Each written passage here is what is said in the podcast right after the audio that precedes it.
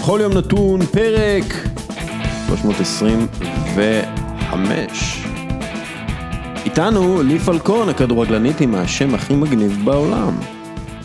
שלום, שלום. ואנחנו אנחנו דיברנו בדיוק הרגע ש, שאולי יהיו נביחות בפודקאסט, אז אנחנו בעד כמה שיותר נביחות. כן. ואיתנו כן, כן, הנוב- מקווה ש... הנבחן הראשי. הנבחן הראשי, עמית לוינטל. האו האו. מה- המצב? אה יופי, מה נשמע? יהיה השבוע בכל יום אה, שני. יהיה בכל יום שני, עוד אין לי אורח, יש לי כמה רעיונות, אבל התוכנית חוזרת, כן. אה, ביקשו ממני אה, מישהו שהוא אוהד של קבוצה קטנה. כן, בסדר, איזה, השאלה היא איזו קבוצה. איזה, איזה, יש לי מישהו שאוהד נוריץ', נוריץ' זה נהדר כשהם לא בפרמייר ליג, כן, אז אתה יודע, אבל זה לא- לא בליגות שאני מכסה אבל הוא כרגע. כאילו באמת, אתה יודע, יוני מנדל קוראים לו, הוא הוא האוהד נוריץ', אולי מספר אחת בעולם. שאוט אאוט ליוני מנדל. אה, יפה. בכל מקרה, אה, פינת באמיתי בחסות קפה טורקי עילית, יש לי שני נתונים עבורכם, אתם צריכים להגיד לי מה באמיתי ומה לא באמיתי, אז אני מתחיל, סבבה? מעולה. אוקיי, הנתון הראשון, קריסטיאנו רונלדו הוא השחקן עם ממוצע שערים למשחק הגבוה ביותר בליגת האלופות. אני חוזר, קריסטיאנו רונלדו הוא השחקן עם ממוצע שערים למשחק הגבוה ביותר בליגת האלופות. לא הכובש המצטיין, אלא השחקן עם ממוצע השערים הגבוה ביותר למשחק בליגת האלופות, זה הנתון הראשון. הנתון השני, מריו בלוטלי הוא השחקן האיטלקי הפעיל עם הכי הרבה שערים בנבחרתו. אז אני חוזר, מריו בלוטלי הוא השחקן האיטלקי הפעיל עם הכי הרבה שערים בנבחרתו, וזה בכלל, הפינת באמיתי הזאת היא בסוג של מיקס בין אה, נבח- כדורגל נבחרות לכדורגל ליגת האלופות, כי אנחנו בדיוק בין המיצרים. בין ליגת האלופות לפגרת הנבחרות. אז, אז אה, מה באמיתי ומה לא באמיתי? לי, תתחילי. אה, וואו. נלך על... אה, נלך על באמיתי על... אה, על בלוטלי. מה אתם אומרים? אני איתך. אני... אני חושב שלגבי, אתה יודע, אתה אומר שער ל-90 דקות בליגת האלופות, אז אפשר לחשוב על ארלינג הולנד למשל, שאתה יודע, העונה שעברה, היה לו ממוצע מדהים, זה שמונה שערים ב... לבנדובסקי למשל. כן, אבל לבנדובסקי על גבי כל הקריירה, בביירן מינכן אני לא משוכנע, אבל שחקן כמו הולנד, ש... אגב, השערים האלה, אתה יודע, זה בדרך כלל, כאילו, בוא לא נשכח שרונה- מעל- מעל- מעל- מעל 20 שערים אני בודק, אני לא בודק אה, כאילו, אוקיי. שחקן, אתה יודע, יש יש שחקן, כאילו ברוך דגו, הוא, אה, אתה יודע, הוא- הוא- הוא עם ממוצע של שער למשחק, אבל אתה יודע, אני לא, זה לא, אבל בואו לא נשכח שרונלדו, אתה יודע, בתחילת דרכו בליגת האלופות הוא לא כבש המון משחקים, עד, ל... עד למשחק הראשון שלו שהוא כבש עם מנצ'סטר יונייטד, נדמה לי נגד רומא, או ש... אבל אה, אתה יודע, זה לא שהוא התחיל כסקורר, אם אתה לוקח אצלו דווקא את העשור האחרון, אתה תראה שכנראה יש לו את השיא, בכל מקרה אני אלך עם בלוטלי. אוקיי, אה, אז ששניכם הולכים על בלוטלי, ושניכם צודקים, אכן, אכן אה, בלוטלי, אכן האיש עם הכי הרבה שערים, השחקן הפעיל, לא יודע כמה הוא פעיל, אבל השחקן הפעיל עם הכי הרבה שערים אני ראיתי בנבחרתו. תמונה, כן, ראיתי תמונה שלו, אני לא- אני לא בטוחה לגבי העניין. לא בטוחה. כן, אני חושב שהסוכן שלו, מינו ריולה, אמר שהוא לא בראש לכדורגל אה, כרגע, אבל הוא בכל מקרה הוא פעיל והוא יכול לחזור עוד לנבחרת. אה, הוא, יש לו רק 14, אה, 14 שערים אה, בנבחרת האיטלקית, והוא בכל זאת השחקן עם הכי הרבה שערים, השחקן הפעיל עם הכי הרבה שערים, מקום שני בין הפעילים זה צ'ירו אימובילה עם עשרה, אה, וקריסטיאנו רונלדו הוא לא השחקן עם ממוצע השערים למשחק ליגת האלופות הגבוה ביותר. מי זה? אה, תלוי, אתה יודע, תלוי למי אנחנו מסתכלים, כאילו מבחינת, אנחנו צריכים להסתכל כאילו למי יש 20 פלוס שערים, ואז להסתכל על אה, למי יש את הממוצע שערים הכי טוב, וזה לאו מסי. אוקיי. עם 0.8 שערים למשחק, רונלדו עם 0.76. אבל עוד פעם, אני אומר לך, זה בגלל התקופה שלו ביונייטד, אם אתה מוריד לו את לא- השנים הראשונות, רונלדו... It's just the numbers, man. כן, כן, כן. אה, ורות ון ניסטלרו עם 0.77 שערים אה, למשחק, גם לו יש יותר שערים למשחק מאשר לרונלדו, ושוב, אתם יודעים, אנחנו... אה, אה, לא, לא בקטע של אנטי רונלדו או משהו, אנחנו בעדו שיתגבר על הקורונה. אה, אגב, אמרת הולנד, קבל את הנתון הזה אה, מפגרת הנבחרות. משחקים בנבחרת לפני השלוש שער הראשון בנבחרת, הסתכלתי על אה, שלושה שערים, אתה יודע למה. אה, אז קריסטיאנו רונלדו, 106 משחקים לפני שהוא כבש את השלוש שער הראשון שלו בנבחרת הפורטוגלית. לאו מסי 68, ניימר 22 והרלינג הולנד שישה. שש, כן. הגיע לשישה, וואו. יש לו שישה שערים בשישה, בשש הופעות בנבחרת. יש לו גם איזה 25 שעה ב-23 משחקים בדורטמונד, האיש הזה הוא מכונה. מכונה, מכונה. אה, ואם הוא ממשיך בקצב הזה, אתה יודע, הוא שובר את כל השיאים. אנחנו, אנחנו כבר שנתיים בערך אומרים, לא, זה, הוא לא, הוא לא יכול להמשיך, הוא לא יכול להמשיך בקצב הזה. לא, סתם, לא שנתיים, שנה וקצת, אנחנו אומרים, לא, הוא לא יכול להמשיך. הוא עם אה, 56 שערים ב-55 משחקים, וזה 55 משחקים זה לא מעט, והוא ממשיך עם הקצב הזה, אז בוא... אבל בוא נראה איך הקריירה תתפתח, לאן הוא יעבור, כן, ברור. הכשירות, יש פה המון שאלות, הלוואי שימשיך. אנחנו עוד אה, נדבר עליו גם. אה, טוב, לי, אני רוצה להשתמש אה, בניסיון שלך כשחקנית. כמה משחקים בנבחרת, אה, של, בנבחרת ישראל? אני חושבת סביבות החמישים, צריך לבדוק, צריך לבדוק, אני אין לי את המספר המדויק. אז אני רוצה ש... בואי נדבר על ריבים בין השחקנים אה, בחדר ההלבשה ואפילו על המגרש, מה שראינו אתמול. כמה פעמים, לי, כמה פעמים זה קורה במהלך עונה? שיש. עימותים פיזיים. בין שחקנים. ספרי לי קצת. אני חושבת שהעימותים פשוט, בקבוצות גדולות הם פשוט לא מגיעים אלינו, למי שמחוץ לקבוצה, אבל זה קורה המון. תראה, הכדורגל, זאת אומרת, בכלל ספורט תחרותי, אין, מי, ש, מי, ש, מי, ש, כן, מי שספורטאי, זה, זה חלק מה... מה אתה יודע, כל משחקון הכי קטן, אתה רוצה לנצח אותו. אה, ומספיק ה- ה- קצת, אה, קצת אגו, קצת, זהו, זה, זה, זה, זה משהו שהוא הוא כל כך, הוא כל כך נפוץ. אה, אני אישית ממש ממש ממש לא מתרגשת מזה עוד פעם. אה, האם זה צריך לקרות מול אה, הטלוויזיה? לא. אה, האם זה צריך לקרות במשחק? לא. זה לא עוזר, בדרך כלל זה לא עוזר לאף אחד, אולי ספציפית לזהבי זה עזר אתמול, כן? כן, זה נראה שכן. זה, נראה שזה הדליק אותו והכל, והכל בסדר.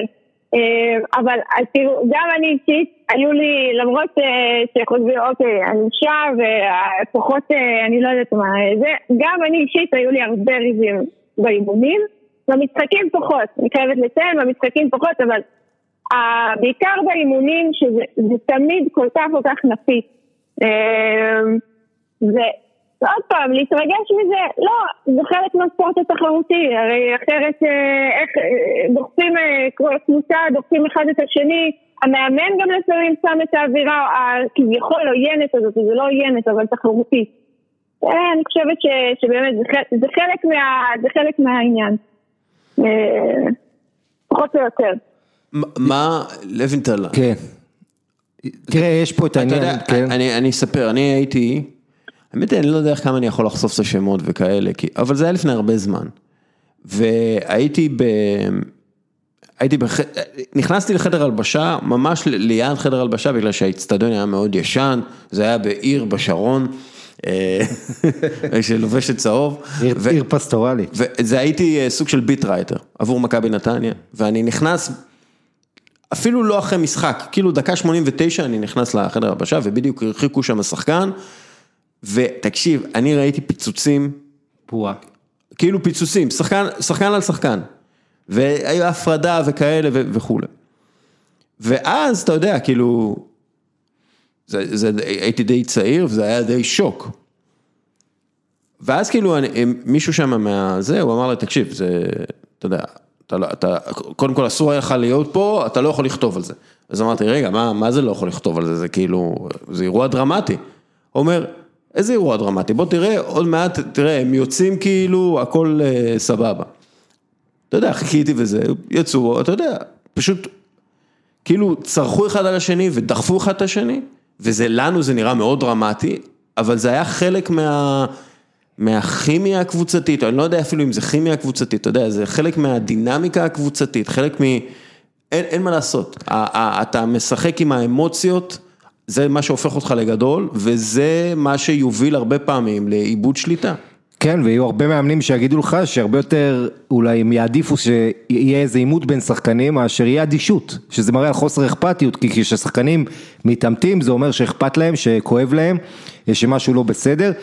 עכשיו תראה, יש פה שני עניינים, יש מהומות בכלל, ואם תרצה תקרא לזה אפילו אלימות, אה, בין שחקנים מקבוצות שונות, שאנחנו רואים המון, וזה ההיסטוריה מלאה במשחקים מפורסמים ותקריות אינסופיות, והנושא החריג יותר שזה קורה בתוך הקבוצה, אבל גם זה קורה המון, וכל מי ששיחק כדורגל אפילו בגולד טיים, או בכל שכונה או בפארק, אה, יודע שיש את המתח הזה בתוך קבוצה, לא כן. מסרת לי, אחרי זה אני לא אמסור לך, הדופק הגבוה, האדרנלין זורם, אתה מתחיל להאשים בטבע האנושי שלך את אלה סביבך, במה שקורה, ובסופו של דבר, אתה יודע, זה, זה הרבה פעמים גם מעיד על שליטה של מאמן בקבוצה עד כמה שאפשר, כי אם כוכב ירגיש שהוא מעל המאמן ועושה מה שהוא רוצה, הוא יתעמת.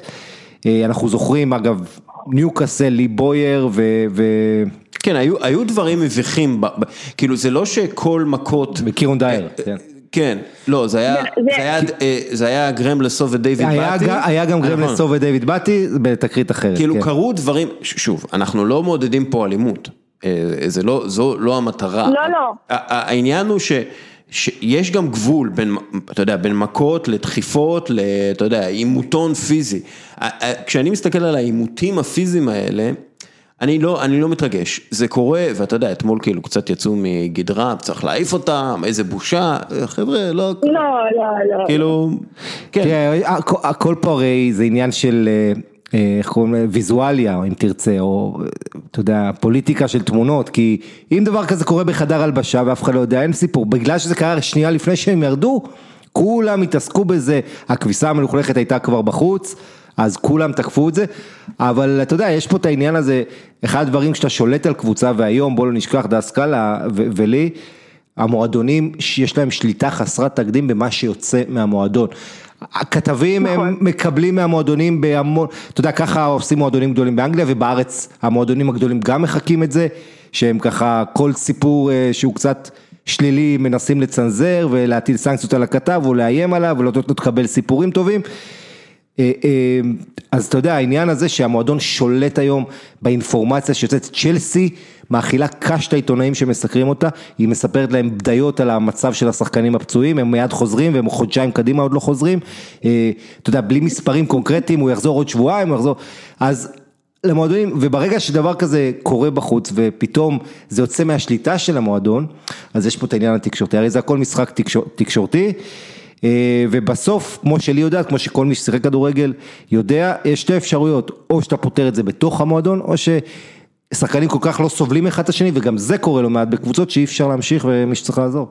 לי בואי נדבר על זה באמת, שחקנים שלא סובלים אחד את השני, כמה פעמים זה קורה, כי זה קורה הרבה, ואגב, כמה פעמים זה יוצא מכלל שליטה, העניין הזה של, את יודעת, השנאה היוקדת של שחקן אה, באותה קבוצה. בוא תאסוף, בוא תאסוף, נגיד, סתם דוגמה, 24 אנשים ביחד, מה הסיכוי שכל ה-24 אנשים האלה יאהבו אחד את השני.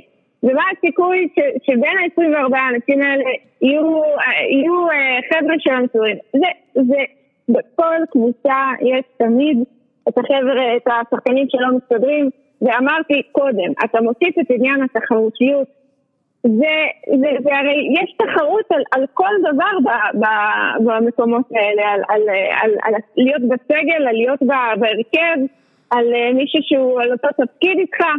שאגב זה גם איזושהי סיבה גדולה לאיזושהי יריבות, זה מישהו על אותו תפקיד זה משהו שהוא, אין מה לעשות, זה, זה חלק מהעניין. ועוד פעם,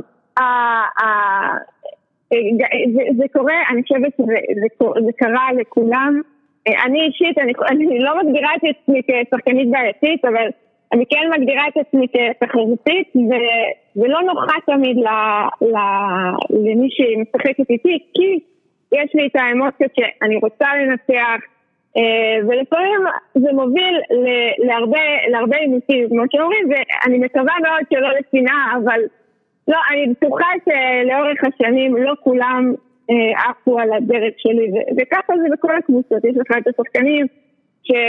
שמצליחים להתחבר בטוב והכל, ויש שחקנים שלא, זה, זה משהו ש...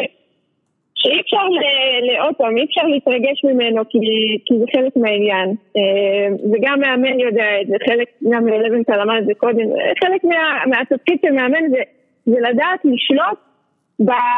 באי חיבור הזה בין השחקנים, או יותר נכון לנסות לחבר את כולם, גם עם כל השניות שיש לך בתוך הקבוצה. כן, זה, אגב, ופה נכנס התפקיד של רוטנשטיינר שככל הנראה עשה עבודה טובה בחדר ההלבשה אחרי העימותים האלה.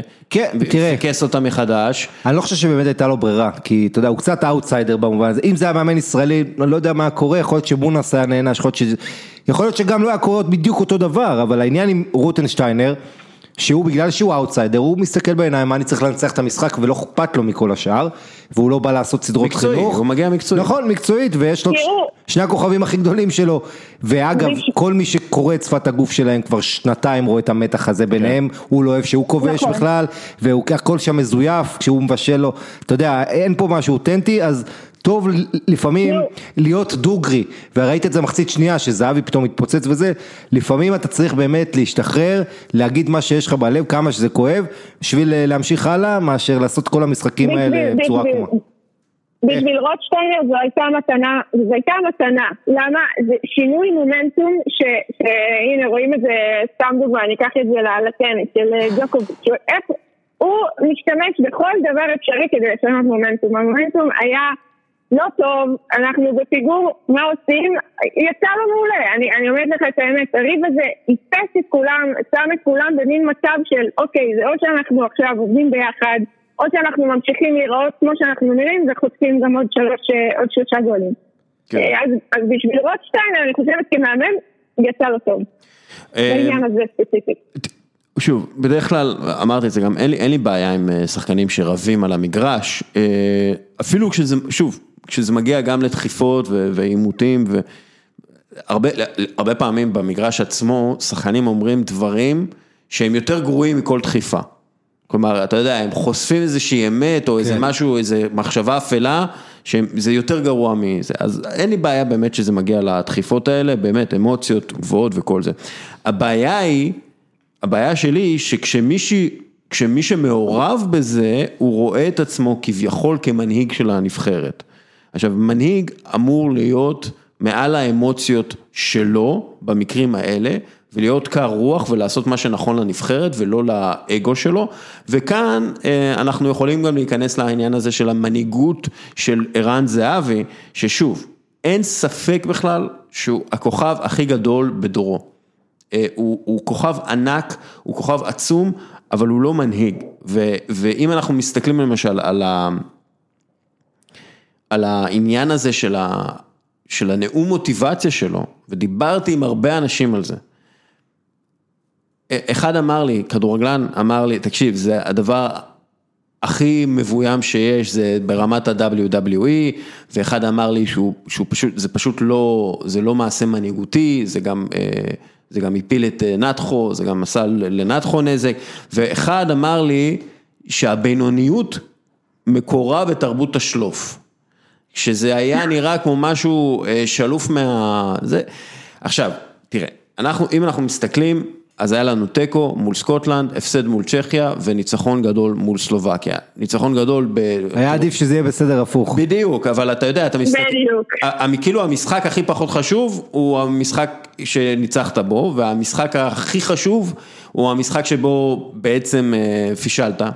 אה, והמשחק כאילו, אתה יודע, אחרי השיא הרגשי הזה, אתה, אתה מפסיד, והיית יכול להפסיד בהרבה יותר מה, מההפסד שהיה מול צ'כיה. אה, ואני חושב שזה מאוד קשור ל, ל, לעניין הזה של המנהיגות, של, של אם היה לך מנהיג שוב, יותר סולידי באישיות שלו, אה, יותר, פחות מחפש את הדרמה, יותר מחפש את העבודה הישירה יותר, את, ה, את הישירות יותר, את הכנות, את ה...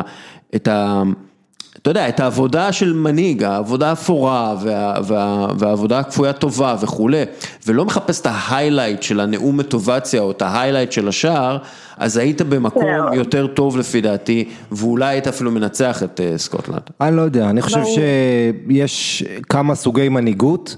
אה, מנהיגות אולי שהכי בולטת לך זה שאתה, בטח כשבתקופה שמשחקים בלי קהל ואם אין סאונד אתה שומע מי בדיוק צועק ומכוון את האחרים והוא הזה שמקשיבים לו ויש את השחקנים הקולניים יותר ואת אלה ששקטים, יש כמובן את הכריזמה השקטה אה, סטייל אה, מסי, למרות שיש דוגמאות יותר טובות ממסי, החבר'ה האלה שאתה יודע, בזכות הכוכבות שלהם והדוגריות, הם מדברים רק כשצריך וכל זה.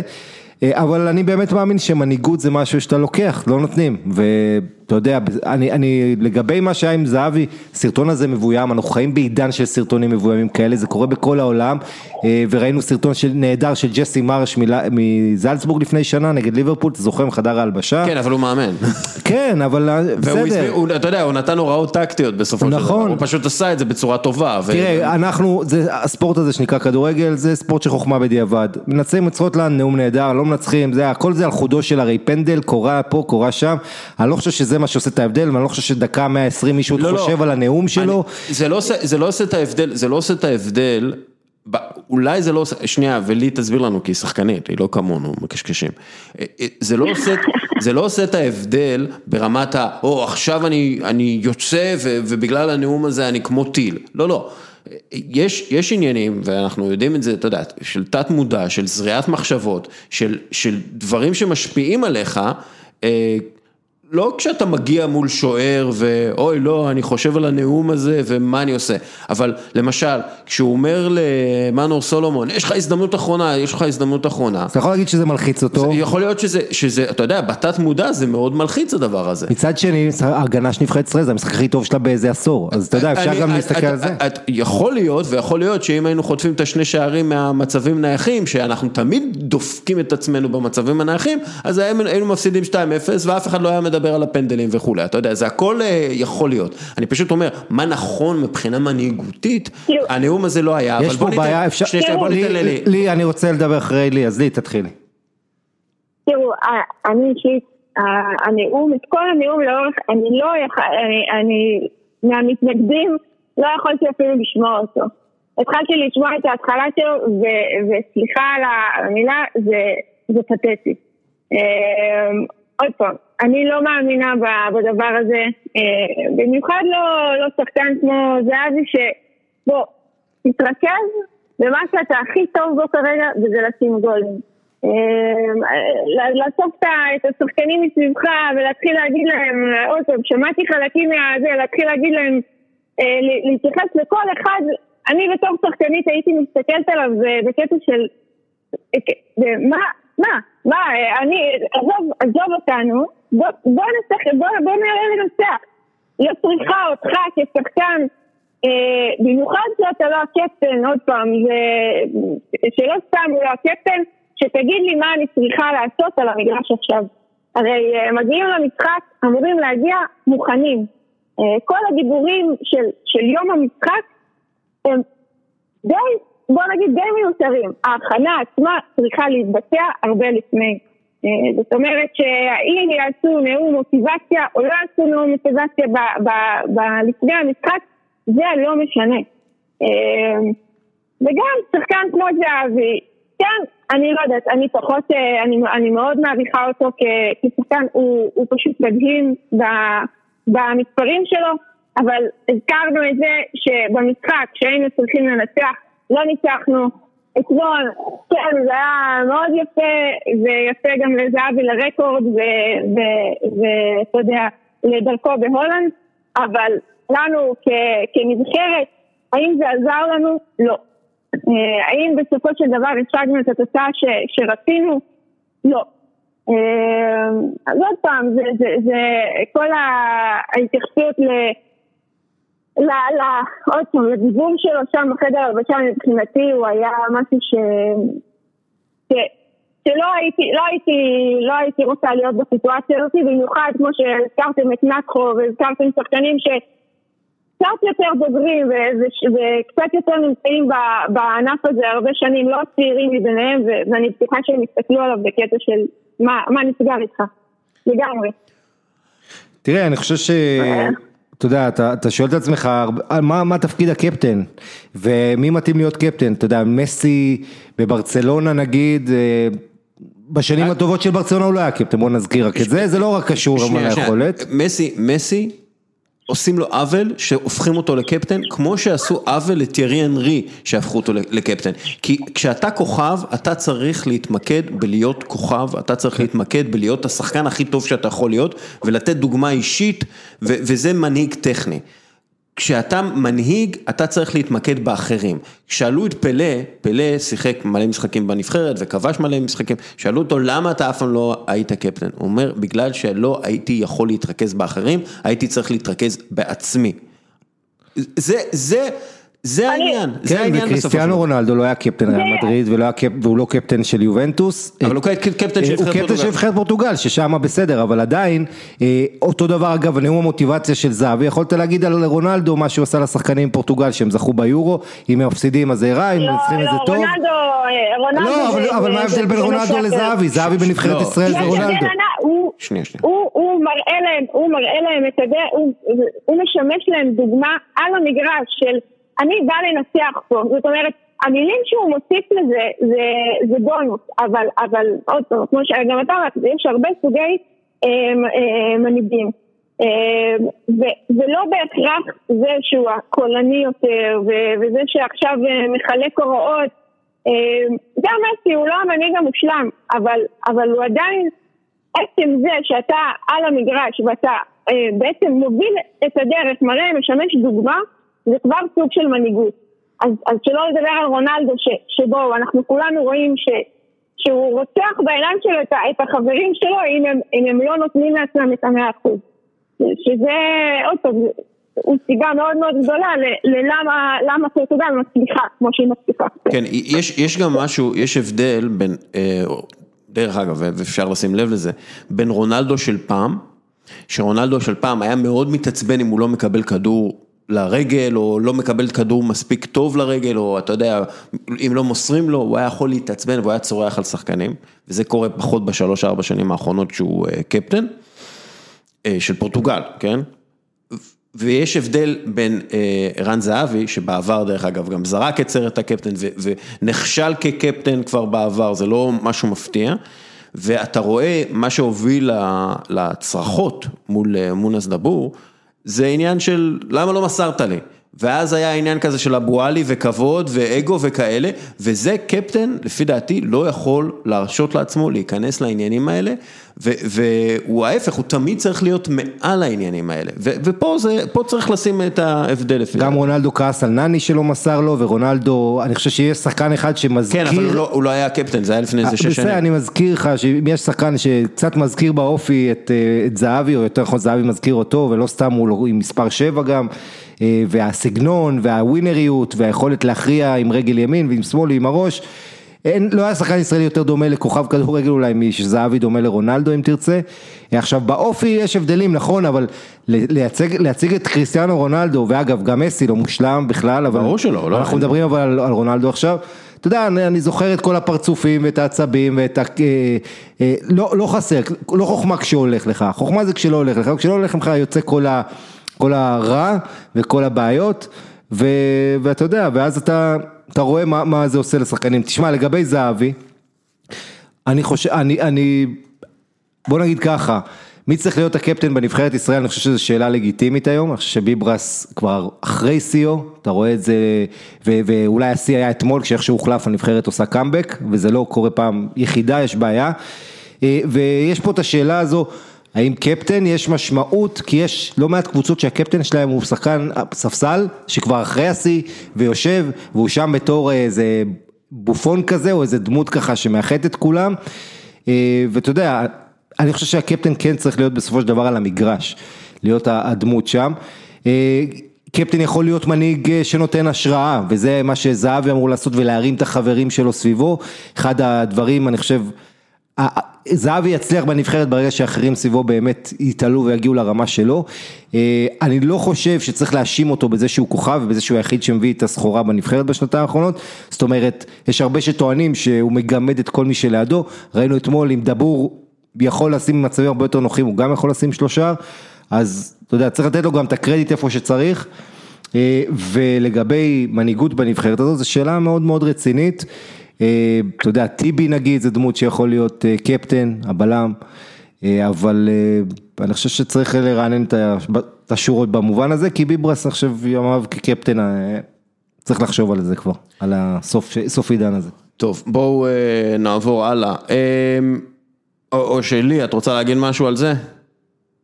לסכם את... תראה, אני, אני, אני לא, אני לגמרי מסכימה, אני חושבת שביברס שחקן אה, באמת מוערך מאוד, אבל כן יש איזושהי הרגשה שצריך לעשות שם חילוף דורות. אה, גם בסרט הקפטן, אה, עוד פעם, לפעמים מייחסים לזה גם חשיבות יתרה.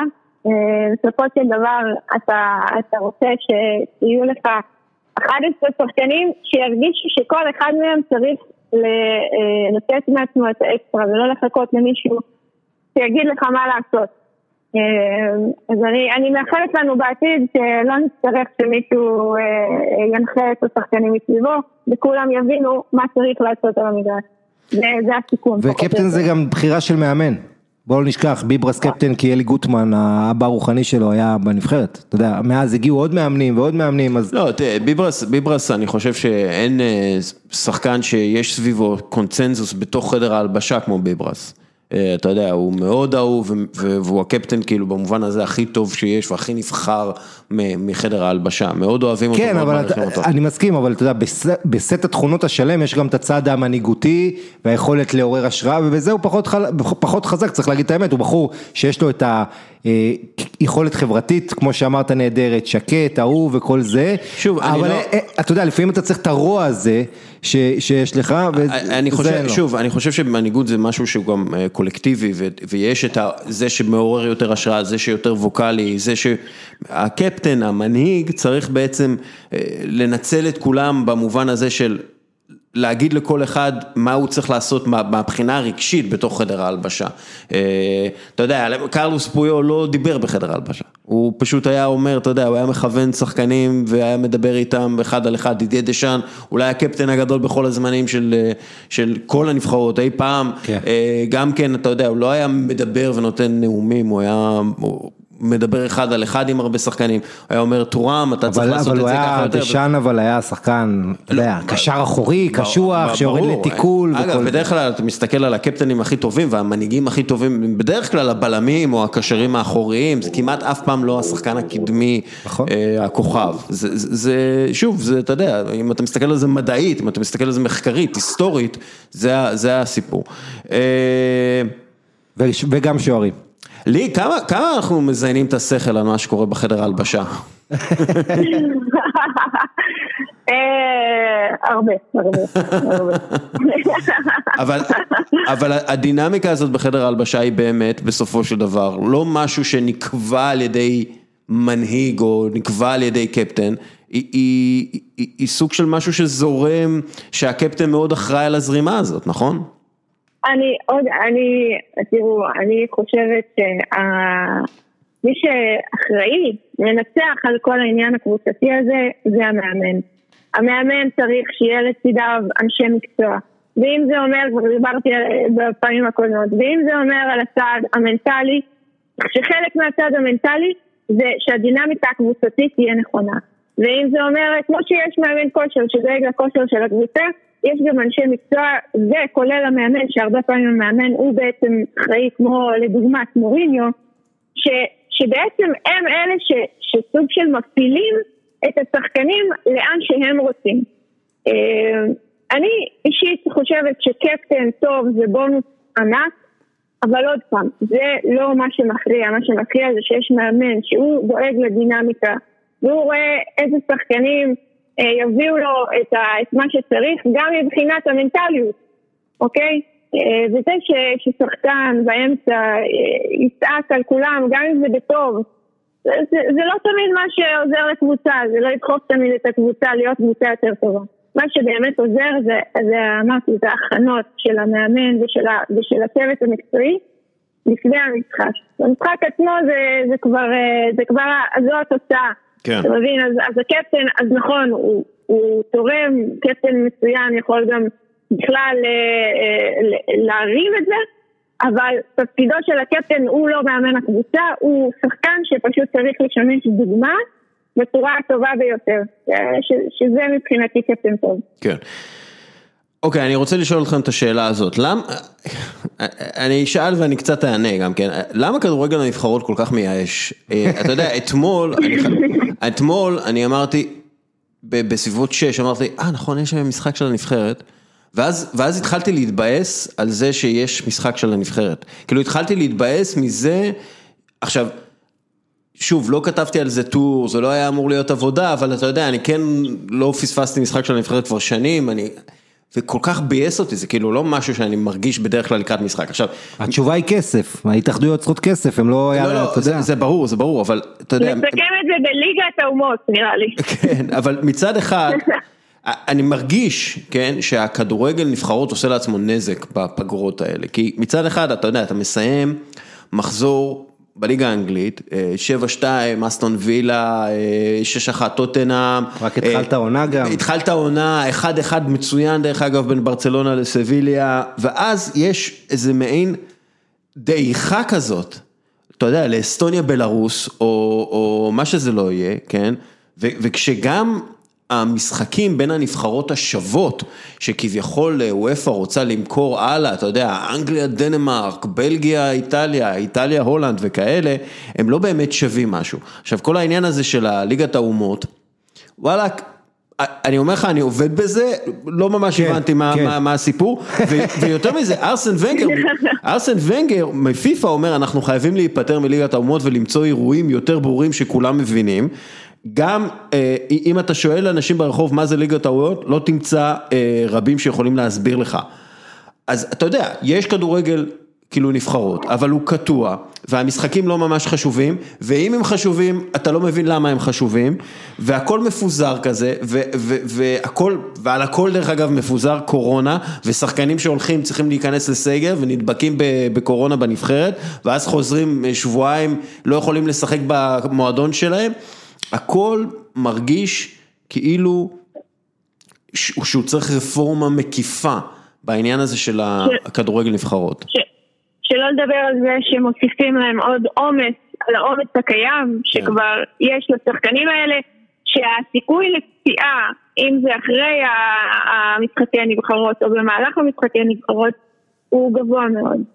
ו- ויש לך מגרשים עם דשא סינתטי, אנדורה למשל, ועוד uh, כמה. Uh, ואל תשכח שהגדילו את מספר המשחקים, הנבחרות האירופאיות שיחקו עכשיו שלושה משחקים בשישה ימים. היה לך רביעי, אה, זאת אומרת בשבוע בעצם.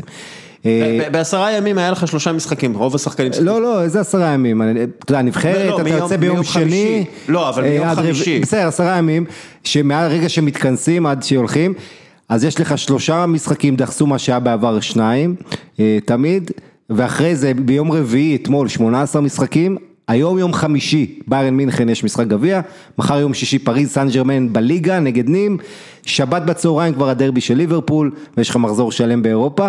אה, כשאתה לוקח... ואז- ואז ליגת האלופות, שאנחנו נדבר על ואז זה. ליגת האלופות שבדיוק באמצע שבוע כבר, זו, וכשאתה לוקח בחשבון את כל הבידודים, את כל הפרוטוקולים והתקנונים ועל על הקורונה, אתה רואה רונלדו נדבק, מקני נדבק ביובה, אה, מלא קבוצות.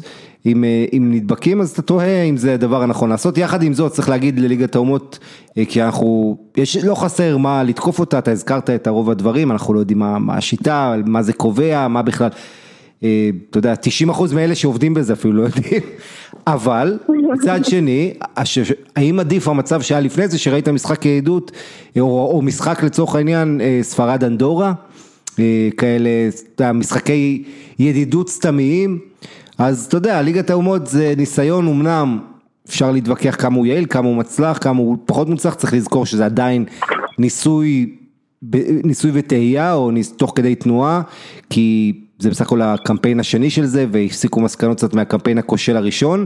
עדיין, כמו שאתה שואל אותי, אני בדעה שלך, שזה מפעל מטומטם, בוא נגיד ככה, אם כל הליגת האומות הזה, בסוף מה שאתה מקבל פה זה, אתה יודע, את העליות והירידות האלה, שאף אחד לא מבין מה זה, איזה שני כרטיסים אולי, אולי למונדיאל, שגם כן זה רק לנבחרות מהטופ, שיישארו בחוץ, זאת אומרת, יש פה כל כך הרבה דברים שמסבכים את העניין, אה, ועדיין, טוב לראות נבחרות משחקות מול נבחרות ב-level שלהם. אה, אתה יודע, איי פארו, אנדורה, סן מרינו, פתאום הנבחרות הקטנות מנצחות, משיגות תוצאות שהן לא היו משיגות אה, לפני כן, כשהיו מתמודדות רק עם נבחרות מדרגים בכירים יותר, אז במובן הזה זה הדבר אולי היחיד הטוב שאתה יכול להוציא. ואני אגיד לך, אני אשאל, לי, אה, כמה השחקנים מודעים לפורמט שהם נמצאים בו? אותי מעניין כאילו, אני די בטוח ששחקני הנבחרת לא בהכרח מבינים במאה אחוז את הפורמט הזה של ליגת האומות, כי שוב, אנשים לא מבינים את הפורמט הזה של ליגת האלופות. כמה זה, קודם כל כמה זה קריטי וכמה השחקנים מודעים לפורמט ומה הם צריכים לעשות, כאילו, כמה זה חלק מה, את יודעת, מההכנה למשחק, מההוואי של חדר הלבשה. אני הכל חושבת שהכל תלוי בהאם יש איזושהי מטרה בפורמט הזה. ואם לשחקני נבחרת ישראל אמרו, אתם מנצחים את סקוטלנד, ואז תעלו לפלייאוף, ואז ככה וככה, אז הם מבינים את הפורמט הזה. זאת אומרת, אני חושבת ש... ש... שהכל, אם יש מטרה מאחורי המשחק הזה, השחקנים יבינו. אם לא, כמו שרואים בדרג דרג א', אה, המון משחקים שעל הנייר זה משחקי, כמו סתם דוגמה, איטליה-הולנד אתמול. זה משחקים ברמה מאוד מאוד גבוהה, אבל אתה רואה שחסר האלמנט התחרותי שיש ב, כמו במשחק אה, של מונדיאל, או כמו במשחק של אליפות אירופה. כן. אה, זאת אומרת, משהו, משהו חסר, משהו הולך שם לאיבוד. אה, שלא לדבר על זה שהשחקנים, הם, כל אחד מאוד מאוד רוצה לשחק עבור הנבחרת, אני בטוחה, אבל הם גם מגיעים אחרי עומס מטורף. אני באמת לא יודעת כמה כוחות, אני, אני, אני לא יודעת איך הם עושים את זה. מדברים פה על אה, שלושה משחקים במספר ימים מצומצם, שזה אחרי שהם בטח שיחקו משחק והגיעו ישר יום אחרי זה למשחקי נבחרת. אז, אז, אז עוד פעם, רגע שאומרים להם, אתם, אני בטוחה שפשוט נותנים להם הוראות, אתם מנצחים את זה, עולים לפה, ואז אולי יש לכם סיכוי. את הפורמט עצמו, כמו שאמרתם, מישהו מבין את הפורמט עצמו, אני באמת שואלת, אני... כן, זה לא. אבל הם חיים ממשחק למשחק, אני חושב, אתה יודע, את המטרה, כן, יש כן. מטרה גדולה באופק, והם חיים משחק למשחק, ואז כשיש סיכוי למשהו, אז באמת אה, עובדים עליו. אה, מה שכן, אה, סן מרינו השיגו נקודה, כן. הנקודה הראשונה שלהם אז 2014, והנקודה הרביעית התחרותית שלהם בכל הזמנים, אז כל הכבוד לסן מרינו.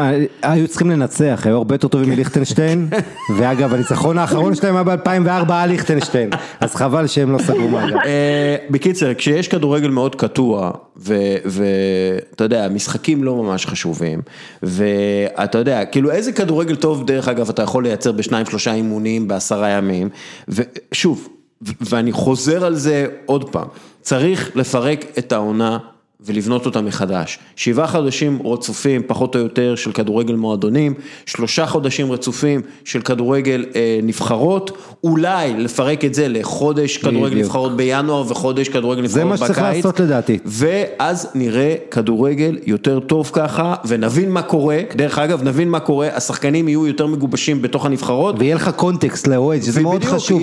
אתה בפגרה הבאה בדרום אמריקה לא תזכור מה קודם ומה יהיה אחרי, אתה, ב, לא, בשבועיים האלה, זה כולה שבועיים, ואתה כבר מספיק לשכוח מה המחזור האחרון בפרמייר ליג, כן. בסריה, חוץ מקבוצה אהודה שלך, וגם את זה לפעמים אתה תשכח, מה היה? זה מנתק לך את הרצף הזה, שזה אחד הדברים הכי חשובים בספורט. כן. אה, אם תעשה קמפיין, נגיד חמישה משחקים מתוך עשרה, עכשיו באיזה חודש, מרכז את כל הנבחרות, ואז עוד חצי שנה עוד להשלים את הקמפיין, אז יש לך איזה קונטקסט, אבל כשאתה עושה קמפיין, בוא עכשיו, עוד חודש עוד משחק, עוד חודש זה, זה במסגרת כזאת, זה במסגרת, אתה מאבד את קו המחשבה ו... זה, זה העניין בספורט וספורטיביות וחבל מאוד שעושים לנו. לוינטל, אני ואתה, אתה ואני לא מסכימים על הרבה דברים, אבל על זה אנחנו מסכימים. ולכן, אתה רואה, יש פה קונצנזוס, אנחנו צריכים לשלוח מכתב לארסן ונגר ופיפא, ולהגיד להם, do it, כן. תעשו את זה, תפרקו את הליגה, ת- תפרקו את הזה, בואו עד בואו נעשה את שהמכתב זה. יגיע כבר תהיה קבוצה שתצטג לוונגר לעבודה. אוקיי, טוב, אה, פעילות בינלאומית היא אתגר עצום עבור כל חברה, במיוח- במיוחד עם מערך שירות. היום הפתרון המקובל זה להגיע להודו- להודו, כי שם יש היצע של כוח אדם זול, מיומן ומוכשר. העניין הוא שהודו לא מקום פשוט לעסקים, ולכן כל חברה וארגון צריכים מישהו שמכיר את השטח בצורה הטובה ביותר כדי להימנע מטעויות יקרות. לשכת המסחר הודו ישראל פותרת את הבעיות על ידי גיוס והעסקת עובדים הודים עבור חברות ישראליות. הלשכה היא מעין... אה, אה, לי פלקון כזה בקבוצה, אה, מישהי שדואגת לך להכל, משכורות, תלושי שכר, משרד, עליו, צאו להתקפה, סתם, לי פלקונים בהתקפה. אז אם החברה שלכם מחפשת לעשות את קפיצת המדרגה הבאה ולהצטרף ל-20 חברות ישראליות שכבר מעסיקות למעלה מ-100 עובדים בהצלחה, תפנו ללשכה www.ficc.in/כל יום פוד, פרטים נוספים בפייסבוק שלנו. לי פלקון, אה, ליגת האלופות מתחילה, אני רוצה לעשות קצת אה, אה, תחזיות על ליגת האלופות. כן. אוקיי, מתחילים את ליגת האלופות יום שלישי הקרוב, שדרך אגב זה הזוי ובזוי בעיניי, אבל בסדר. אה, הפייבוריטיות לשחייה בליגת האלופות לפי, אה, ליגת, אה, לפי סוכנויות ההימורים. דרך אגב, אל תאמרו, זה פשוט, כן. החבר'ה מאוד חכמים עושים את ה... דיברתי עם מישהו שאחראי על ה-odds, על ה... יחסים. על היחסים, אתה יודע, הוא מבין כדורגל ברמה שמטורפת, כאילו ברמת המספרים, ברמת. מה משפיע על קבוצה, באמת מטורף. אה, ואם אני בונה קבוצה אי פעם, אז אני מביא כזה אחד שיהיה לי אחראי על האנליטיקס או מה שזה כן. לא יהיה. בכל מקרה, הפייבוריטיות אה, לפי סוכנויות ההימורים, ביירן מינכן 4 ל-1, זה הגיוני, מנצ'סטר סיטי 4 ל-1, אני לא חושב שזה הגיוני. תמיד סיטי למעלה בשנים האחרונות. כן, אתה יודע, זה, אנחנו עוד מעט נדבר גם על פפ גוורדיאולה ומה שפליקס מגת אמר עליו, אבל בוא, לא יודע, בוא נגיד, ליברפול 11 ל-2, בר- אה, פריס סן ג'רמן, רציתי להגיד ברזיל סן ג'רמן בגלל ניימר, זה חזק, זה חזק. אה, אה, 10 ל-1, ריאל מדריד 11 ל-1, אני חושב שהיא צריכה להיות יותר גבוהה, ברצלונה 14 ל-1, יובנטוס 16 ל-1 וצ'לסי 16 ל-1, אלה הפייבוריטיות. בואו נעשה תחזית, מי הפייבוריטית בעיניך בתחילת העונה הזאת, שאנחנו לא יודעים אם תיגמר, אנחנו לא יודעים מי יזכה, מי יזכה בקורונה, מי יחלה בקורונה, אנחנו, מי, מי, אתה יודע, כשאתה מסתכל על ליגת האלופות הזאת, שמתחילה, מה, מה, מה מרגיש לך, מי מרגיש לך הפייבוריטית? אם הייתי צריך לשים את הכסף הייתי הולך על ליברפול, אני חושב שליברפול זה הימור הכי סולידי, זו קבוצה אדירה שיש לך עכשיו גם בעצם עוד מתפתחת עוד עם ז'וטה, כי יש להם עכשיו, ואסטון וילה לא בליגת האלופות, אז סביר להניח שהם... כן, אה, ויש לך את תיאגו, שכמובן מוסיף להם ממד, אלוף אירופה עם ביירן מינכן, אה, אז ליברפול זה הימור סולידי אני חושב, אה, ריאל מדריד זה, אתה יודע, אתה, אתה, כשאתה בוחר מי תזכה בליגת האלופות, אתה קודם כל מסתכל על ההגנה, למרות שבשנים האחרונות הרבה גולים יש בנוקאוט, זה עדיין, אני חושב שקבוצה שיכולה ב- להעמיד משחק הגנה טוב, יש לה את זה, יש לה סיכויים. ריאל, אתה יודע, אני התחלתי בניתוחים לקראת הקלאסיקו שהתחיל ב-24 והיה לי בלבולים השבוע, אבל לא משנה. אה, התחלתי לעשות ניתוח ואתה יודע את מי הריאל מדריד של זידן הכי מזכירה לי? את דייגו סימאונה, את אתלטיקו מדריד של דייגו סימאונה, אה, במובן, כמעט לא בועטים להם לשער, הם מצליחים לסגור את ההגנה, זה באמת אה, כלי מאוד חשוב שהם, אה, כן, דיברנו על זה בעונה שעברה, שריאל מדריד הפכה לאתלטיקו אה, קצת, בסגנון, בזה שאין להם סקורר ושהם בעיקר סוגרים טוב, אבל בואו נדבר על עוד קבוצות שיכולות לעשות עונה מעניינת בליגת האלופות. אתלטיקו מדריד, אני לא יודע, התחושה היא ש, שזה לא זה כבר אולי, אבל עדיין נוקאוט, דייגו סימאונה, יש לו רקורד מצוין. יובנטוס עם רונלדו, יוב... יובנטוס עם רונלדו כמובן. וגם אינטר, את יודעת מה, אינטר עם סגל עמוק ואיכותי, ולוקקו ולאוטרו וחכימי, ו- והגנה טובה, הבעיה היחידה היא שקונטה יש לו את השם הזה של לוזר באירופה, עונה שעברה קונטה לקח את אינטר עד הגמר של הליגה האירופית, מאוד מאוד הוא תלוי, הוא יכול לעשות, כן. יש שני, שני פקטורים, אחד זה שאני לא חושב שיש טעם להמר על זוכה בליגת האלופות עד הנוקאוט, כי העונה האמיתית מתחילה בפברואר כשמתחילים משחקי הנוקאוט, זה דבר אחד. דבר שני, מה תמונת המצב בליגות עם ריאל מדריד, מחוץ לתמונת האליפות ומתמקדת רק באירופה, אם היא רצה גם לאליפות, זה עוד פקטור להתחשב בו. וכמובן תמיד יש, את ההפ- אתה יודע, יש איזו הפתעה אחת, אה, היה לך טוטנאם לפני שנתיים, אטלנטה עונה שעברה, אז אה, כן. מי, מי אנחנו? ו- ו- ועוד משהו, פריס סן ג'רמן, בוא נגיד לך ככה, אני לא אתפלא אם באמצע העונה טוחל עף, אלגרי, מסמיליאנו אלגרי מגיע, ויכול, אתה יודע, אתה זוכר את דימטאו שלוקח את צ'לסי באמצע העונה מכלום לזכייה, זה יכול גם לקרות כאן, זאת אומרת אם בא פתאום אלגרי לפריס סן ג'רמן באמצע העונה, לא אתפלא אם היא זוכה. אה, לי, כמה את מתרגשת מליגת האלופות, וממה את מתרגשת במיוחד? מה את היית רוצה לראות העונה? אה, עוד פעם, פחות, אה, אני חושבת שנקווה ל- לפחות חיסויים, זאת אומרת, אה, עדיין עם הקורונה, לך תדע, משחק מכריע, פתאום רונלדו לא עולה לשחק, זה משהו שהוא יכול לקרות, כן? אגב, יכול, יכול להיות שלא, בגלל שהוא כבר קיבל את הקורונה, ואתה יודע, סיפור מאוד מעניין מה שקרה איתו, אם אתה רוצה תכף. עוד, עוד מעט. כן.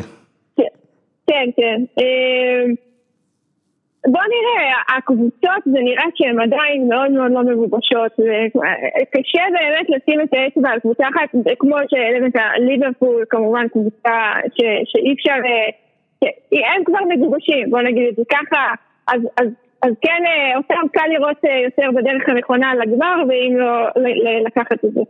אבל אה, בהחלט גם נגיד ברצלונה וקבוצות ש- שאנחנו שאנחנו פחות, אה, פחות אה, הזכרנו, אבל, אבל כל אחת יכולה להתפתח. ריאל מדריד, אני, אני קצת קשה לי, למרות שזידן מאמן אותם ואני, ואני מאוד מאוד אוהבת את זידן. אה, לא יודעת, קשה לי לראות אותם כרגע מגיעים ל, ל, לשלבים הסופיים. אבל בוא נראה, זה, זה כאילו מרגיש מאוד מאוד מוקדם, מאוד מאוד מוקדם לאיזושהי תחזית קדימה. כמו ש... כן, זה, זה אה, קשה, קשה.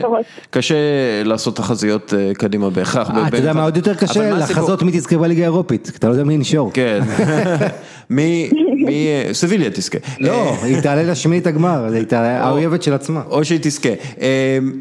מה, מה הסיפור עם רונלדו לדעתך? הסיפור עם רונלדו שהוא נדבק באופן די מוזר, אף אחד אחר כרגע בנבחרת פורטוגל לא נדבק, רק רונלדו, אבל זה לא, אתה יודע, סתם שהוא נדבק, הוא, הוא אסימפטומטי, הוא הרגיש מצוין, לא הרגיש שום תסמין, מה שקורה אגב לא מעט, ואנחנו לא דיברנו כמעט על העניין הזה של התסכול העצום של שחקן, שהוא אסימפטומטי, שהוא מרגיש בריא לחלוטין, ואתה יודע, ובאים ואומרים לו עכשיו אתה צריך להיות שבועיים בחוץ, להפסיד משחקים חשובים, אולי אם תצא חיובי עוד שבוע, והוא, אתה יודע, זה, זה מצב שהוא מייאש לא פחות אפילו מלהיות חולה ולהרגיש אולי באמת שאתה צריך את המנוחה הזאת, כמו שהיה עם דיבלה, שהיה 46 ימים עם הקורונה חולה ובאמת חולה, אבל פה עם רונלדו זה מצב שהוא הולך, עכשיו זה, זה לא משחק קריטי, כן, ברצלונה, שלב בתים, אף אחד לא יזכור את זה בסוף העונה, אבל אתה יודע, יש פה משהו שכן צריך לחשוב עליו קדימה, אגב, מה הסיכוי? תחשוב, תחשוב, לא, לא, אבל אני נכנס- משחק נוקאוט ומסי מחמיץ אותו. נכון, אבל אני עכשיו, אתה יודע, עזוב, עזוב שנייה, אני נכנס שנייה לעולם הקונספירציה. מה הסיכוי שרונלדו נדבק במיוחד עכשיו, בשביל באמת לא להידבק בעתיד? אני חושב שלא צריך לדבר על זה, ב, אתה יודע, במובנים של אה, קונספירציה, כי, כי יש קונספירציות גם יותר מוצלחות מזו. לא. אני חושב שיותר צריך לדבר במובן של אסטרטגיה. שנייה, שנייה, זה תפיסה, תפיסה רווחת ולא נכונה בציבור הרחב, שאם אתה נדבק בקורונה אתה, אתה חסין. חסין. אתה חסין. כי אנחנו לא יודעים אף אחד לא יודע עדיין, כן. אתה אבל- רק יש לך את שוודיה שעשו, אתה יודע, עשו לכולנו את החיסון עדר שלהם, לראות מה יש שם, אתה לא יודע אם זה לארבעה חודשים, אתה לא יודע אם זה... בדיוק. אבל אתה כן יודע שאם אתה יכול לפחות לשלוט בזה, אה, ותשמע, הנתונים בשוודיה כן מדברים די ברור, כן, הש... איכשהו המצב שם הרבה יותר טוב. לא, אנחנו, אנחנו לא יודעים, אנחנו לא יודעים עדיין, אנחנו פשוט לא יודעים. לא, אבל כרגע, אתה יודע, זה המצב, יכול להיות שזה ישתנה, חורף והכל. בכל מקרה, מה שכן, היה דיבור בזמנו אצל קבוצת פורמולה 1, רדבול, להדביק בכוונה את הנהגים שלהם, שיהיו חסינים, ו- ושלא יהיה להם בעיות, פתאום הם נדבקים תוך כדי העונה. בכדורגל, שוב פעם, מכל מיני סיבות, איפה שאנחנו חיים, מדיה חברתית, רגישות, כל זה, אף אחד לא מדבר על האופציה הזאת, אבל... הנה, אנחנו מדברים. נכון, אנחנו מדברים. אה, תראה, אנחנו כל הזמן, ההוא נדבק וההוא נדבק וההוא נדבק וההוא נדבק, ואלה בפוליטיקה האמריקאית ואלה בכדורגל, ובסוף אף אחד לא שואל את עצמו, אוקיי, נו, ואז נדבק, מתו, מה, מימו, זאת אומרת, אתה צריך לשאול עם כל הרגישות, ויש את הבעיות, ויש את התסמינים שנשארים, שחקנים שקראנו על זה, שמענו על זה, אה, קשיי נשימה, זה נכון. צד שני, הרוב הגדול, חוזרים לעצמם, חלק מהם, אני לא יודע להגיד לך במספרים האסימפטומטיים. שוב, אנחנו לא יודעים, אנחנו לא יודעים. זה, זה הבעיה בנובל ויירוס, בווירוס חדש, שאתה לא יודע מה, אם, אם אתה בכלל יכול לעשות חסינות עדר, אם אתה בכלל יכול אה, להחלים במאה אחוז, אם בכלל אתה, אה, אם, אם בכלל, אם יש לך דם O, עכשיו עשו בדיקה, אם יש לך דם O, אם אתה נדבק, או אתה לא יכול להדביק, כן? אנחנו לא יודעים, זה הכל צריך, זה, זה הכל אתה צריך... גם לא יודע להיות- את ההשפעות של זה לטווח בדיוק, ארוך. אתה לא יודע את ההשפעות, ולכן הדבר הכי, הכי חשוב לעשות זה להימנע מהידבקות, אבל אנחנו, שוב, אה, יש הרבה שזה מומחים. אבל אני. לא, אני לא חושב, כי תראה, עוד פעם, זה הכל תלוי, לא, אנחנו לא ניכנס פה לקורונה, זה לא התוכנית והפורמט, אבל שוב, אם אתה רוצה שאף אחד לא ידבק, לשבת בבית, לאבד את החיים, את העתיד, זה אחד. דבר שני, לשמור על שגרה בצורה מוחלטת, זה הקצה השני. מחפשים איפשהו את הדרך באמצע. בדיוק, צריך לחיות עם זה. נכון, ופה השאלה כמה אתה מוכן להרוס ולהקריב את העתיד שלך ושל ילדיך ואת הזה, בשביל נגיף שעוד פעם בבסיס שלו, ויש פה את הסימני שאלה שהעלית, מצד שני, 99.5% היום של הישרדות, הטיפולים היום הרבה יותר מתקדמים, יודעים נכון, איך לטפל אז- בזה, אז בוא- אז נכון. צריך להסתכל על כל התמונה. בוא נגיד שאני הייתי מעדיף להיות במצב כמו טיוואן, שידעו איך להתמודד עם זה, ו- ו- ועשו את כל הדברים הנכונים שצריך לעשות, מסכות, ריחוק חברתי, כל אני הדברים לא יודע, האלה. ניו זילנד לא היה מסכות וניצחו, אני לא לא בטוח, יש אה, מחקרים כאלה ואחרים, אה, אני יכול להגיד לך, אגב, ניו זילנד אבל עשו להשוות. גם לטיוואן כן. זה לא נכון, כי לא, זה אבל- המזרח והם עברו קורונות, אה, אתה יודע, נכון, סארס נכון, וזה, ומרס. יש להם ניסיון, יש להם ניסיון. נכון, אז כל מה זה- שקרוב לסין, והם גם יודעים מה סין, את ה- אז- מה היא עושה לא ומתכוונת. בסדר, אבל אתה יודע, יש יש את הניסיון, צריך ללמוד מהניסיון, לא משנה, בואו בואו, אה, נעבור הלאה. עכשיו גם לנו יהיה ניסיון. בוא, בוא, נ- אתה יודע, הבעיה, הבע- הבעיה היא שלא לומדים מניסיון, זה, זה הבעיה, ויש, זה גם כן בעיה גדולה אצל חברים רבים אה, בעולם המערבי, פשוט לא לומדים מניסיון. אה, השחקנים הכי צעירים שהופיעו בליגת האלופות, סלסטין בבעיירו, אתה זוכר אותו? כן, מאנדרלכט, בן אה, 16. ריין, ריין שרקי בשנה שעברה. נכון, ליאון? שרקי או שר? שרקי, שרקי. כמו יאיר שרקי. אה, אולי הוא קרוב, הוא דומק באמת. נכון, דומה. אתה, אתה אומר, יש מצב שזה, כן. שיגדל פאות, יהיה לי כן, יותר קל. ואלן אלן חלילוביץ' מידוענו, יוסופה מוקוקו הולך לשבור את השיא. הולך לשבור את השיא ככל הנראה, בן 15, נרשם לסגל של ליגת האלופות של ברוסיה דורטמונד. דרך אגב, אה, אם אנחנו מדברים על קצב כיבוש, אז הקצב כיבוש שלו בנוער זה משהו לא נורמלי לחלוטין. עושה את זה חמש שנים צעיר מהגיל. כן. כן, והוא עושה את זה כש... הוא עושה, הוא עושה דברים מדהימים כילד בן 15 מול שחקנים בני 18-19, אה, אז, אז מאוד יכול להיות שזה יישבר, הנה תחזית לעתיד של ליגת האלופות, יישבר, אה, יישבר גיל, הגיל הצעיר ביותר. אה, אגב, בנובמבר הוא יחגוג 16 ואז כאילו הוא אמור כבר להיכנס למעגל, גם בבונדסליגה, גם בליגת האלופות לשבור שיאים, ובעצם הוא היורש של הולנד, בדורטמונד כבר חושבים קדימה. אה, כי, כי הולנד הולך כי לעבור אה, מתישהו, כן. ימכרו אותו תוך שנה. אה, אנדריאה פירלו, והנה, הנה, קבל תחזית, אני חושב שיובנטוס תחטוף מתישהו איזה שישייה בליגת האלופות. כי אנדריאה פירלו אומר, אני תמיד רוצה לשחק כדורגל התקפי, לשלוט במשחק, בכל איצטדיון. זו המטרה שלנו, אם זה בברנבאו או אם זה בכל איצטדיון אחר, זה לא משנה דבר. אני, אתה יודע, הוא, הוא מאמן צעיר, כאילו מן הסתם יש לו הרבה ניסיון בכדורגל, אבל כשאתה אומר, אני רוצה לשלוט במשחק, זה קצת, אה, בוא נגיד את זה, אתה קצת קופץ מעל הפופיק חביבי, במיוחד שאין לך קבוצה שהכי בנויה לזה, ו, ואם חטפת צמד מרומא, אה, אני לא אתפלא אם אתה תגיע מול בייר מינכן כזה ו- ותחטוף, אה, אם אתה חושב ככה. אני מאוד מודאג. הוא ילמד, הוא כן. ילמד. אני, אני חייב להגיד לכם שאני די מודאג לקראת העונה הזאת של יובה, לקחת מאמן חדש בלי ניסיון, אה, שמתמודד מול כרישים כמו קונטה וגספריני, עזבו את היתרונות התקציביים ואת רונלדו וכל מה שיש ליובה, יובה מועדון שמכל המועדונים הגדולים באירופה אחד המועדונים שבמצב כלכלי, אני לא רוצה להגיד קשה וזה, כי יש להם את דניאלי ואת המשפחה, אבל מבחינת הפסדים, מההפסדים הכי גבוהים, הם הולכים להפסדים של מעל 100 מיליון יורו בעונה הבאה, עונה האחרונה 89 מיליון יורו הפסדים, אז יש דאגה גם בהיבט הזה, וגם כל המצב הזה גורם לכך שאין לך היום מגנים ברמה הכי גבוהה, קשרים ברמה הכי גבוהה, העונה שעברה הייתה העונה הכי גרועה בעשור האחרון לקשרים ביובה, אז כן הביאו ארתור ומקני, אבל זה עדיין לא ברמות של יובה, של רונלדו, אז יש פה איזה דאגה, כל זה עם מאמן צעיר. אה, שכבר ראית מול רומא, איך הוא לא מגיב בזמן, כן, מה ליר, מה רצית? אני אומרת, אתם חושבים, אני אומרת, כי באמת, נכון, הוא מאמן צעיר, ואני בטוחה שיהיו לו את הנפילות שלו, כי גם למאמנים אה, ותיקים מאוד יש את הנפילות. אבל עדיין, שחקן, גם, הוא היה, זה לא סתם שחקן, זה היה שחקן מאוד מאוד אחראי, מה שדיברנו קודם, זה היה מנהיג על המגרש, יש לו הרבה מאוד תכונות שקצת מזכירות את זידן, וגם זידן, הוא נכנס לתפקיד המאמן בצורה כל כך טבעית ויפה. אה, ועוד פעם, זה איזשהו סוג של שחקנים שאני כן מאמינה שלא צריכים את, ה, את הניסיון עכשיו של 20 שנה כמאמן כדי להיות מאמן טוב. אה, האם הוא יצליח לקחת עם קבוצה כמו שיש לו ובדרך ובצורה שהוא רוצה לשחק זה כבר, זה כבר נושא אחר. אה, אבל עוד פעם, זה, זה, אני חושבת שהוא כן יכול ל, ל, ל, ל, עוד פעם, להסתמן כמאמן טוב. אה, צריך לבדוק את זה עד העונה.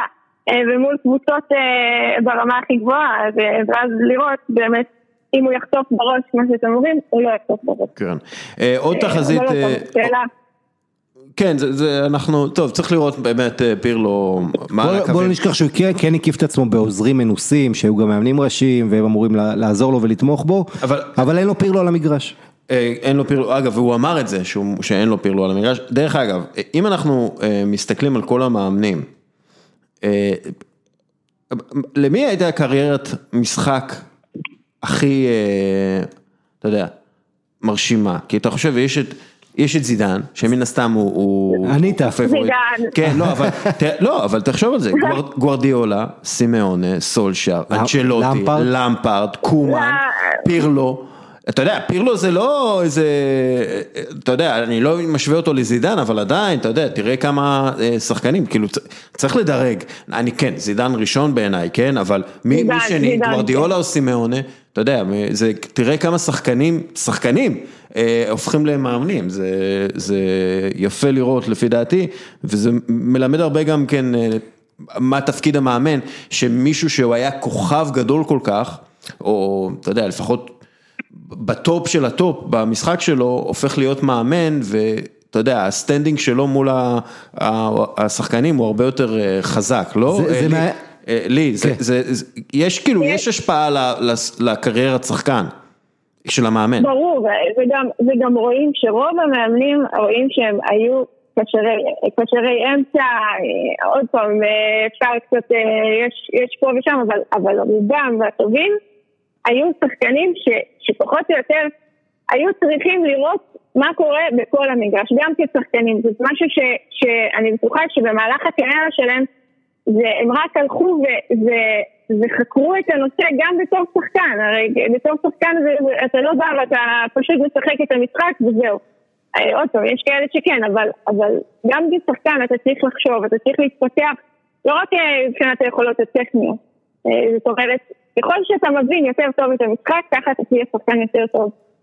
ואתה רואה את זה על, השח... על, ה... על המאמנים האלה, שהדור הזה שהוא, שהוא באמת התפתח להיות דור מאמנים יחסית צעיר, עוד פעם, אה, באמת רואים, אה, סך הכל הם אה, סביבות אה, גיל, אה, גיל 40, אה, שפרשו לא מזמן, אה, וכן, ויש לזה, אני חושבת שזה מוסיף המון, ש, שיש לך את כל ההיבטים האלה שאתה גם יודע מה קורה בחדר הלבשה, מה קורה, איך זה, איך זה להחזיק קבוצה, דיברנו על זה, דיברנו על זה לכל אורך הפרק היום, אני חושבת, כן, כן. בהיבט הזה. אפרופו להחזיק קבוצה. מצד שני יש גם את הצד השני, תומאס טוחל, אתה זוכר אותו, יורגן קלופ, אה, אתה יודע, כן, יש אבל... הרבה מאמנים שלא היו שחקנים גדולים, באיכות זה בולט בבונדסליגה, אם תלך, תראה. כן, אבל יורגן קלופ כן היה שחקן, כלומר הוא כן, אתה יודע. הוא היה שחקן, שחקן. גם מוריניו הוא היה שוער ברמה. חובבנית. לא, אבל הוא לא, אתה יודע. הוא לא, אתה יודע, זה לא... זה לא בסדר. הוא לא היה במיינדס בליגה שנייה. אבל- תראה, מוריניו אמר את זה פעם.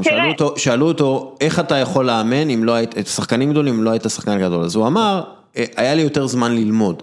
כאילו, אם אתה לא שחקן, ולא, אבל אתה היית מסביב לכדורגל, נגיד יוליאן כן. הוא היה עוזר. ומתורגמן כן. שם, ונחל ו- אבל ובובי נגיד, רובסון. נגיד יוליאן נגלזמן כזה, הוא למד את המשחק ברמה כזאת, אתה יודע, עם, עם, עם חריצות אדירה ו, ועם גם גאונות, הבנת משחק. ואז השחקנים, אתה יודע, מקבלים אותו, זה קורה המון ב-NBA. אתה או שאתה אה, שחקן על וישר מקבל את הכבוד, או שאתה כל כך מבין את המשחק, אתה מבין את המשחק כל כך לעומק, שמסתכלים עליך השחקנים, השחקנים ואומרים, אוקיי, טוב, הוא מלמד אותי משהו, אז אני אקשיב לו. זה, זה, זה בדרך כלל ככה, אתה לא יכול להיות אה, שחקן וזהו.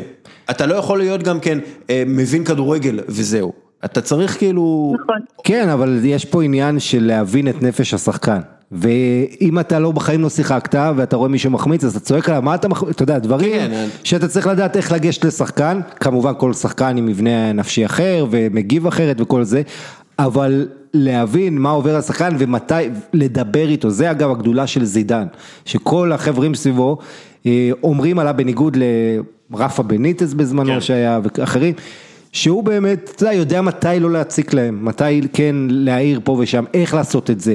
אתה יודע, לדבר לשחקן זה לא כמו לדבר אצלי ואצלך שאני יכול לזרוק לך 100 הערות, אני צריך לתת לו אחד, שניים, שייכנס לו בראש ויישאר שם. כן. זאת אומרת, כל התקשורת הזאת, זה, זה אומנות אה, שלמה, ואגב נגלסמן הוא התחיל, הוא עשה עבודה נהדרת בנוער של אופניים, וראו את הכישרון הגדול, ואז קידמו אותו מתוך המועדון, אבל אה, זה, זה מקרה נפלא. אבל זה נדיר, עדיין, אתה כן, יודע. זה. זה, זה עדיין נדיר. אה, אה, לי, בתור שחקנית, מה את מעדיפה? שחקן, מאמן שהיה שחקן, או מאמן שהוא פשוט מבין כדורגל ברמה אחרת? לחלוטין מאמן שהיה שחקן. אה, עוד פעם, אה, האמת היא שיצא לי, יצא לי גם להתאמן תחת, אה, תחת אה, שני סוגי המאמנים, ובהחלט הפן האנושי פה, בתור מישהו שגם אם הוא מבין כדורגל בצורה מדהימה, אתה לא יכול לבוא ולאמן קבוצה רק על פי ההבנה שלך בהעמדה, בהעמדה של השחקנים. אה, יש פה עוד כל כך הרבה אלמנטים, ו... ואם אתה רק מסתכל על האלמנט שאני אבוא ואני אתן להם את ההוראות הטקטיות, אתה לגמרי מאבד את השחקנים. כן. אה, וגם, עוד פעם, גם כ- כמאמן שחקן, זה לא בהכרח ש, ש, שזה שיש לו שם גדול, יכול להיות שכבר אחרי שבועיים, עם כל השם הגדול שלו, ברגע שהמ- שהוא הוא- הוא לא יהיה לו את הקליקה עם המאמנים, עם השחקנים, ולא ידע את ה... צריך ל- ל- לגעת בהם, אה, אז גם, גם אותו יהיה קשה, יהיה קשה להתחבר. אז עוד פעם, זה שילוב של השניים, אה, עם מאמנים שלא שיחקו אה, בעברם יכולים להיות טובים וגם הפוך, שחקנים ששיחקו והפכו להיות מאמנים יכולים להיות לא טובים. כן. אז, אז כן. כן, אה, אפרופו אה, שחקנים, מאמנים, מאמנים שהיו שחקנים ומאמנים פחות טובים ממה שהם היו שחקנים, אולגון או סולשייר. אה, אז ככה, יש דיווחים בפורטוגל ובכל מיני אה, מקומות שאם אתם אה, מסתכלים, אם אתם מחפשים את פירורי הלחם, אתם מגלים שהלחם הזה זה, זה חלה בשם ז'ורג' מנדס, כן, נגיד את זה ככה. אז יש כל מיני דיווחים בפורטוגל וגם מסביב למנדס וברונו פרננדז, שלא כל כך תופסים מאולגונר סולשיאר, וש... אה, וזה ציטוט מה... מה... ציטוט מהדיווח, אולה לא חזק מספיק כדי לאמן את הסגל הזה. ברונו פרננדש, צריך להגיד, אה, כאילו- כאילו אמר, ברונו אה, הכחיש את זה, אבל אתה יודע, אנחנו יודעים איפה מרוחה החמאה. ולאולה גונר סולשייר אין את היכולת לדחוף קדימה את השחקנים או לשים אותם על המסילה בכיוון הנכון.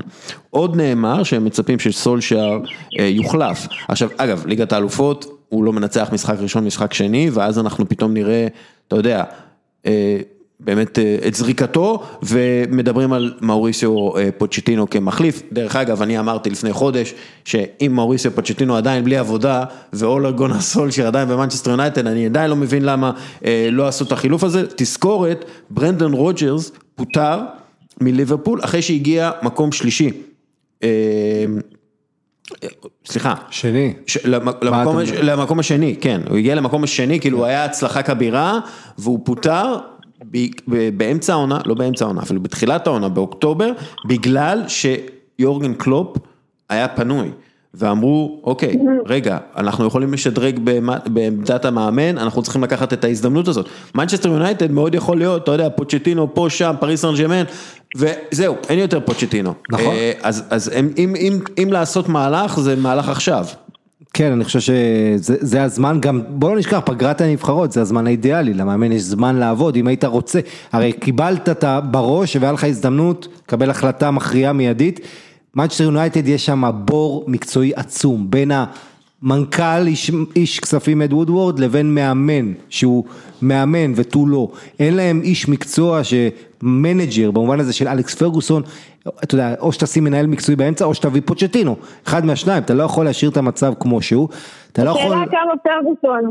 סטאר פרגוסון באמת יש לו יד בכל לא, פרגוסון, פרגוסון, אה, את יודעת, הוא כבודו במקומו, אני חושב, והיום הוא בעיקר פנים של המועדון וכל זה, הוא לא מעורב באמת בהחלטות, אבל, אה, אבל העניין שמאצ'סטר יונייטד, כל הקיץ כולם יודעים מה היא צריכה וזה לא מגיע וזה לא קורה ולא רק שזה לא קורה היא מכוונת לכל מיני מקומות לא קשורים סנצ'ו זה הדבר האחרון שהיא צריכה עכשיו זה סנצ'ו היא צריכה בלמים אה, היא צריכה לחזק את ההגנה.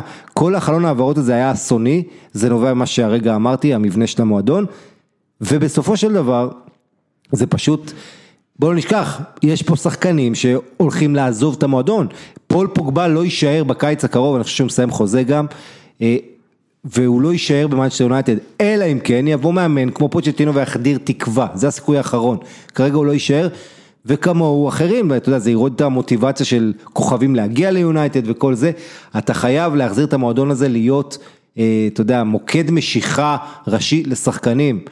אה, גם ברמה הכלכלית עוד שנתיים שלוש בינוניות של יונייטד היא כבר תאבד את היתרון העצום שלה בזכות פרגי, שהיא מחזיקה בו כל השנים בתחום הכלכלי, אבל אה, חייבים שם שינוי ולהפוך את המועדון הזה למועדון כדורגל הרבה יותר רציני ממה שהוא כרגע. אה, אני חושב ש... ואגב, ארי מגווייר, מילה אחת. סולשר, אתה יודע, הוא נחמד והוא תומך והוא זה, אבל כל הסיפור של ארי מגווייר, אם זה היה קורה עם מאמן רציני, הוא היה שוטף אותו, הוא היה מרגיע אותו, ואני לא מאמין שהיית רואה אותו מתנהג ב, ב, כמו שהוא מתנהג אתמול בנבחרת, מורחק דקה 31, שהיה צריך להיות מורחק דקה עוד לפני זה. זאת אומרת, השליטה שלו בשחקנים היא גם נתונה לשאלה. אה, כן, מאוד יכול להיות שזה, אתה יודע, שיש שם אה, בעיות גם אה, אישיותיות וגם מקצועיות בתוך הסגל. ואגב, סולשיאר יכול להיות עוזר מצוין, זאת אומרת, הוא איש צוות נהדר, אני חושב, שפוצ'טינו מגיע לעזור לו להכיר וזה, ואני חושב שהוא יעשה את זה אם הוא יתבקש. אה, כן, אתה יודע מה, וזה לוקח אותי גם לקטע הזה של אה, פליקס מגאט, שהוא דיבר, פליקס מגאט אה, היה מאמן של בייר מינכן מאוד קשוח, כינו אותו סדאם חוסיין, עד כדי כך הוא היה קשוח, הוא גם כן. קצת דומה לו לסדאם חוסיין. קווליקס קראו לו, עינויים, Quäle כן, זה עינויים, כן, אז קווליקס. כן, אז הוא אמר על פפ גוורדיאולה לבילד, לא פפ זכה בתארים, לאו מסי זכה בתארים. אמ, ללא מסי, השיטה אף פעם לא עבדה טוב עבור גוורדיולה. אם הייתה עובדת, הוא היה זוכה בליגת האלופות עם בייר מינכן או מנצ'סטר סיטי. עכשיו, אני, אוקיי, אפשר לבטל את אה, דבריו של מגד כדברים של דינוזאורים, אה, דינוזאור חסר מושג, אה, וזה אכן מפתה לעשות זאת, אבל בוא נבדוק שנייה לעומק את העניין הזה של, אתה יודע, יכול מאוד להיות ש... ש ואני תמיד מאמין שזה השילוב, זה תמיד השילוב שחקן ומאמן, כן? אבל מאוד יכול להיות שבלי מסי, באותו רגע בקריירה שלו, באותו רגע בקריירה של פפ גורדיולה, פפ גורדיולה לא היה נחשב לגדול כפי שהוא, יכול להיות, לא? זה לא רק מסי, זה כל הקבוצה הכי רגע, טובה. רגע, נכון. ויש שם את איליאסטה, ויש שם, היו שם שחקנים שאני, ש... שווי, איניאסטה ובוסקץ בשיאם. בוסקץ, בדיוק. אה, דני אלווס העצום, אה, זאת אומרת, זה, זה קבוצה, אבל פה נכנס, אתה יודע, זה עניין של ביצה ותרנגולת, זאת אומרת, המאמן כן צריך להוציא את המיטב מהשחקנים, לבחור את המערך המתאים. אה, בוא נגיד ככה, אם זה לא היה פפ, נגיד זה היה מוריניו, אתה חושב שהוא היה משתמש באותו אופן באותם שחקנים? ברור שלא. הוא היה מוציא מהם את אותו דבר, הוא היה משחק את אותו כדורגל, שובה עין, שובה לב, ש... את יודעת, הכניס לברסה המון אוהדים בעולם גם. וקידם, דרך אגב, וקידם את כל הכדורגל לכיוון הזה של הכדורגל ההתקפי ולחץ. נכון, ו... אז, אבל נוצר פה באמת סיטואציה ששחקן הכי טוב שראינו משחק כדורגל, קיבל מאמן נהדר שבדיוק מתאים לו ולמועדון, והשילוב הזה, ה- אתה יודע, אם תרצה, הסינרגיה הזאת הולידה את הקבוצה הנפלאה ההיא, אבל אין ספק שאנחנו בכדורגל, כפרשנים אני מדבר עכשיו, הרבה פעמים עסוקים בלהחמיא לכל העבודה קבוצתית ודברים שקורים ליד, בסוף אתה צריך להבין שמה שמכריע משחקים זה או טעויות או כישרון, יכולת אישית, הרבה פעמים, לפעמים זה מהלך קבוצתי נהדר, ש... או כדור נייח שמנותק לחלוטין מהקונטקסט של המשחק השוטף, זאת אומרת יש פער בין הקונספציה והביקורת, איך שיחקת, מה, איך ההופעה וכל זה, לבין דברים שבאמת מכריעים לך משחקים, והדבר הכי חשוב בכדורגל זה התוצאה, אז זה הכרעת משחקים. זה נכון, אבל, אבל, אבל גם יש את ההיבט השני, ש, שזה לגמרי שילוב, כי מסי בנבחרת לא הצליח לעשות מה שהוא עשה בברצלונה. אה, עם גרדיולה. אז, אז, אז עוד פעם, זה, זה, לא, זה, לא, זה לא רק, כמו שאמרנו, זה לא רק מסי הביא את ה... אני לפחות חושבת, זה לא רק מסי הביא, אבל כמובן ש, שהוא הדובדבן שבקצפת. אה, זה, זה. מצד אחד ספורט נורא קבוצתי לי, זאת אומרת 11 שחקנים, מגרש עצום, 105 על 68 מטר, אה, שערים גדולים, זה משחק שאי אפשר, אם תשים את השחקן הכי טוב אי פעם, אפילו שניים הכי טובים אי פעם בקבוצה כושלת, או קבוצה מליגת העל נגיד, תתמודד איתה באירופה, הם יקבלו עשירייה, זאת אומרת, אה, לא משנה, מסי, יש גבול כמה שחקן אחד יכול לעשות, יחד עם זאת, הרבה פעמים שחקן אחד בהתקפה, בהברקה, עושה את ההבדל, אז יש פה את הניגודיות הזו. אני אומר שההשפעה של מאמן היא קטנה, אבל מכריע. וזה קצת קטן ומכריע, אתה יודע, ההבדל ב-DNA בינינו לבין זבובים הוא 4 אחוז, או משהו כזה, אתה יודע, אה, אה, בסופו של דבר האחוזים האלה במשחק שבו אה, שער אחד יכול להכריע אליפויות, כן, אה, הפרשי שערים יכולים להכריע לפעמים אה, עונה של 38 משחקים. ההבדל הקטן הזה, זה המאמן. עכשיו, המאמן, אה, אני חושב שמגת דיבר שטויות, כן? גוורדיולה היה מצליח ברמה מסוימת, בלי מסי.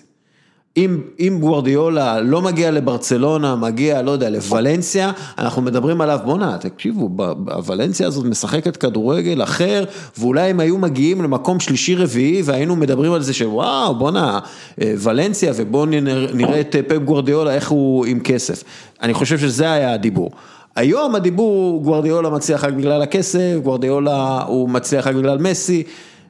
אני חושב ש, שזה עושה עוול גדול לגוורדיולה. אז זה עושה לו. עוול, אבל אל תשכח שהוא, בניגוד למסי שכן לקח ב-2015 ליגת אלופות, בלי פפ, פפ עדיין לא לקח בלי מסי. מפה נובע כל הדיבור הזה שהוא מאוד שטחי. כן, אתה יודע, מאוד. השינוי שהוא עשה בביירן מינכן, ועד היום עוד נותן את אותותיו. הש, השינוי שאתה יודע, מנצ'סטר סיטי אה, איתו ובלעדיו, זה, זה, זה קבוצה אחרת, זה מועדון אחר, זה, אתה יודע, נכון. זה, זה, כן, בשורה התחתונה, אבל תגיד שגם מנצ'יני לפניו ופלגריני לקחו אליפויות והוא לא לקח ליגת אלופות. וזה יהיה להתעלם מהתמונה הרחבה. נכון, נכון, זה. בדיוק, אני תמיד אומר, הדברים האלה זה, אנחנו צריכים להסתכל על זה כמו שמאמן מסתכל על זה, מאמן טוב מסתכל על זה, ומאמן טוב יודע את מקומו, הוא מבין שהוא תלוי לחלוטין בשחקנים, אבל הוא יודע ש, שהמטרה שלו כמאמן טוב, זה לשים את השחקנים במקום שהם יכולים להצליח בו יותר מאשר המאמן הקודם.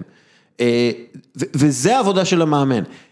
תמיכה פסיכולוגית גם. גם תמיכה פסיכולוגית, אבל גם תמיכה טקטית, למשל להגיד למסי, תקשיב, אני לא רוצה שתהיה יותר על קו ימין, אני רוצה שתהיה באמצע ותרד למטה לקבל כדור ולשתף פעולה עם איניאסטה וצ'אפ. מזויף, וזה אגב גם אל תרוץ יותר מדי בהגנה, תשמור כוחות, כן. תחלק את הכוחות שלך.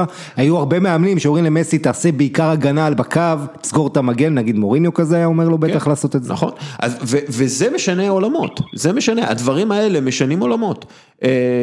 ולפפ גוורדיולה היה מזל, כן, אבל גם למסי היה מזל.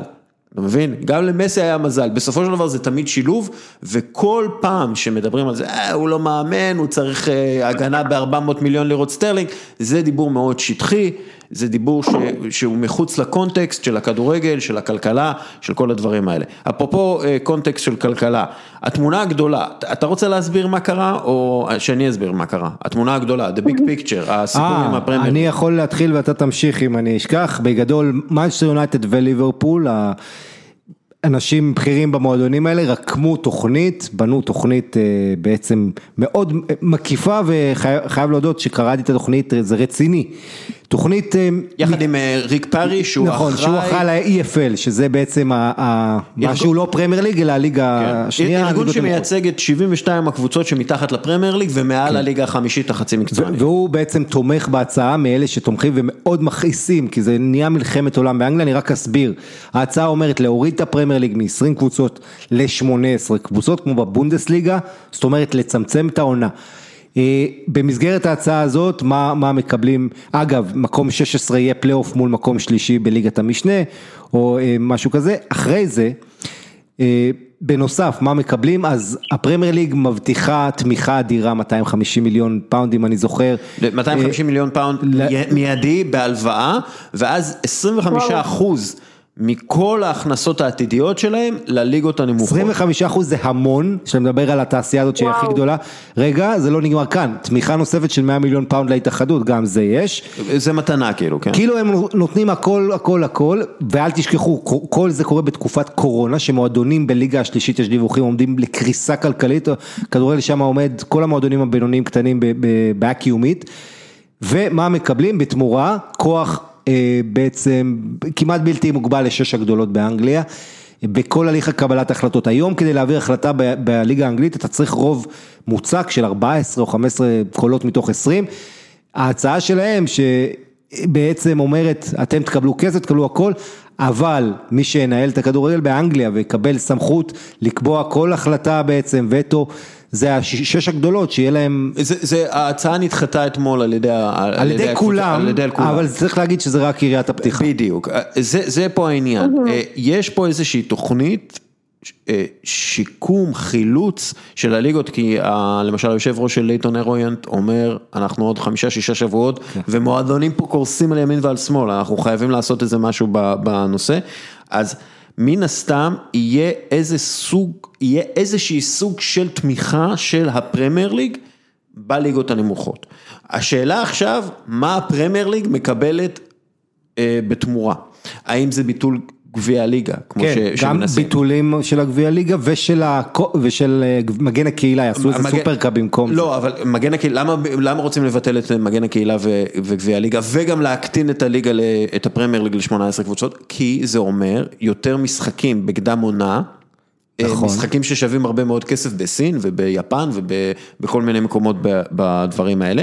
יותר מזה, יש איזושהי תחושה שיש פה אה, איזה תכנון גדול יותר של מנצ'סטר יונייטד וליברפול בכל מה שקשור למכירת סטרימינג, מכירת כן. הזכות אה, לשדר את, את המשחקים שלך, את, את המשחקים שלך עצמה בצורה אינדיבידואלית וזה משהו שגם הרים הרבה אנשים על הרגליים האחוריות כי הקולקטיביות של זכויות השידור בפרמייר ליג זה בעצם הסוד של הפרמייר ליג, הוא שומר את הליגה הזאת מאוד אה, תחרותית ופתאום ברנלי יכולה נכון. להביא אה, שחקן כן. ב-20 מיליון לירות סטרלינג וכאלה. ובוא לא נשכח לפני שבוע בסך הכל באנגליה שערורייה גדולה, גם גארי נוויל התייחס לכל העניין של 15 פאונד, pay per view כאילו, משחק בתשלום, מה שנקרא.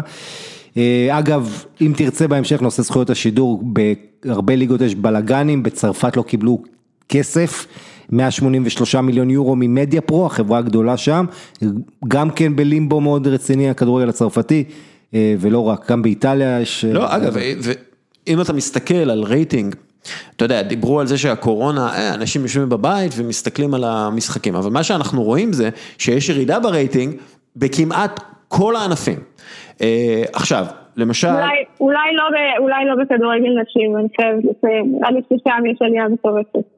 אה, האמת היא גם... כי סוף סוף משדרים את הליגות. כן, אבל גם יש בשוק העברות עלייה בכדורגל הנשים, כי מועדונים מרגישים שיש איזושהי אה, הזדמנות לרכוש אה, שחקניות נכון, במחירים נכון. גבוהים יחסית, אבל הם כאילו נמוכים. אבל זה נושא, אבל זה נושא אחר, כי בכדורגל נשים, למרות שכן הייתה מגמה של מילוי אצטדיונים ומכירת מילואים, אבל עד עכשיו זה לא, הקבוצות לא היו מסתמכות על זה. כן. אז אני חושבת שזה שונה. אז כשאני אומר, אה, התמונה הגדולה, התמונה הגדולה היא, ואני חושב שהמשחקי הנבחרות קצת אה, הבהירו לנו את התמונה הגדולה הזאת כן. עוד יותר. המשחקים למשל בסקאי, המשחקים שהיו אמורים להיות בסקאי, כלומר שהיו אמורים להיות משודרים, כי לא כל המשחקים באנגליה משודרים, אבל בגלל הקורונה כל המשחקים שודרו. אה, אז המשחקים שהיו אמורים להיות משודרים בסקאי, הם חוו עלייה של 8% ברייטינג. כלומר היה עניין רב במשחקים האלה, דרך אגב למרות שהליגה הייתה גמורה וליברפול הייתה אמורה אה, לזכות. אני מדבר על המשחקים אחרי החזרה, כן? המשחקים ששודרו בטלוויזיה בגלל הקורונה הייתה כאילו קריסה ברייטינג. כי אנשים, שוב, אני חושב שאנשים יש איזה שוש, איזה, איזה סוג של רוויה, יותר מדי כדורגל, יותר מדי ספורט. יש גם סטרימינג, יש, אתה יודע. בדיוק, ואז אנחנו רואים ירידה ב, ב, ברייטינג, נגיד אולי, חוץ מהפוטבול, ה-NFL, שזה באמת, אתה יודע, זה משהו אחר לגמרי, זה ליגה קצרה הרבה יותר.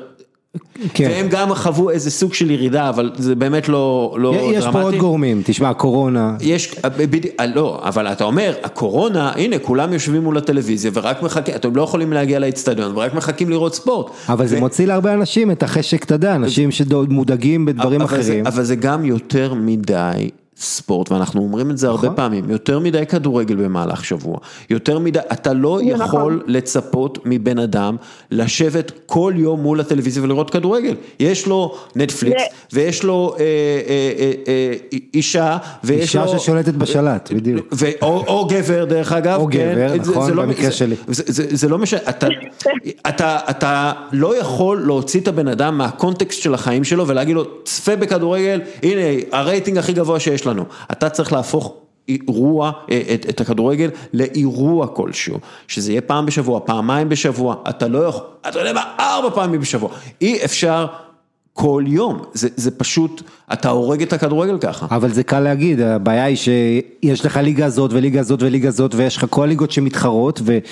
אתה יודע, כבר לא... אז זה התמונה הגדולה. אני, אני מזכיר לך, זה התמונה הגדולה. זה התמונה הגדולה. זה התמונה. שעונה שעברה היה לך קלאסיקו במקביל ליובנטוס אינטר, אמור להיות. נכון. בסוף בגלל הקורונה, אבל... צריך, צריך, באמת, אם אתה חושב על תמונה גדולה, צריך לעשות התאמות על העניינים האלה. נכון. דרך אגב, אנחנו בעד הקטנת הליגה, זה טוב לשחקנים, זה טוב לטלוויזיה, זה טוב נכון. לעניין.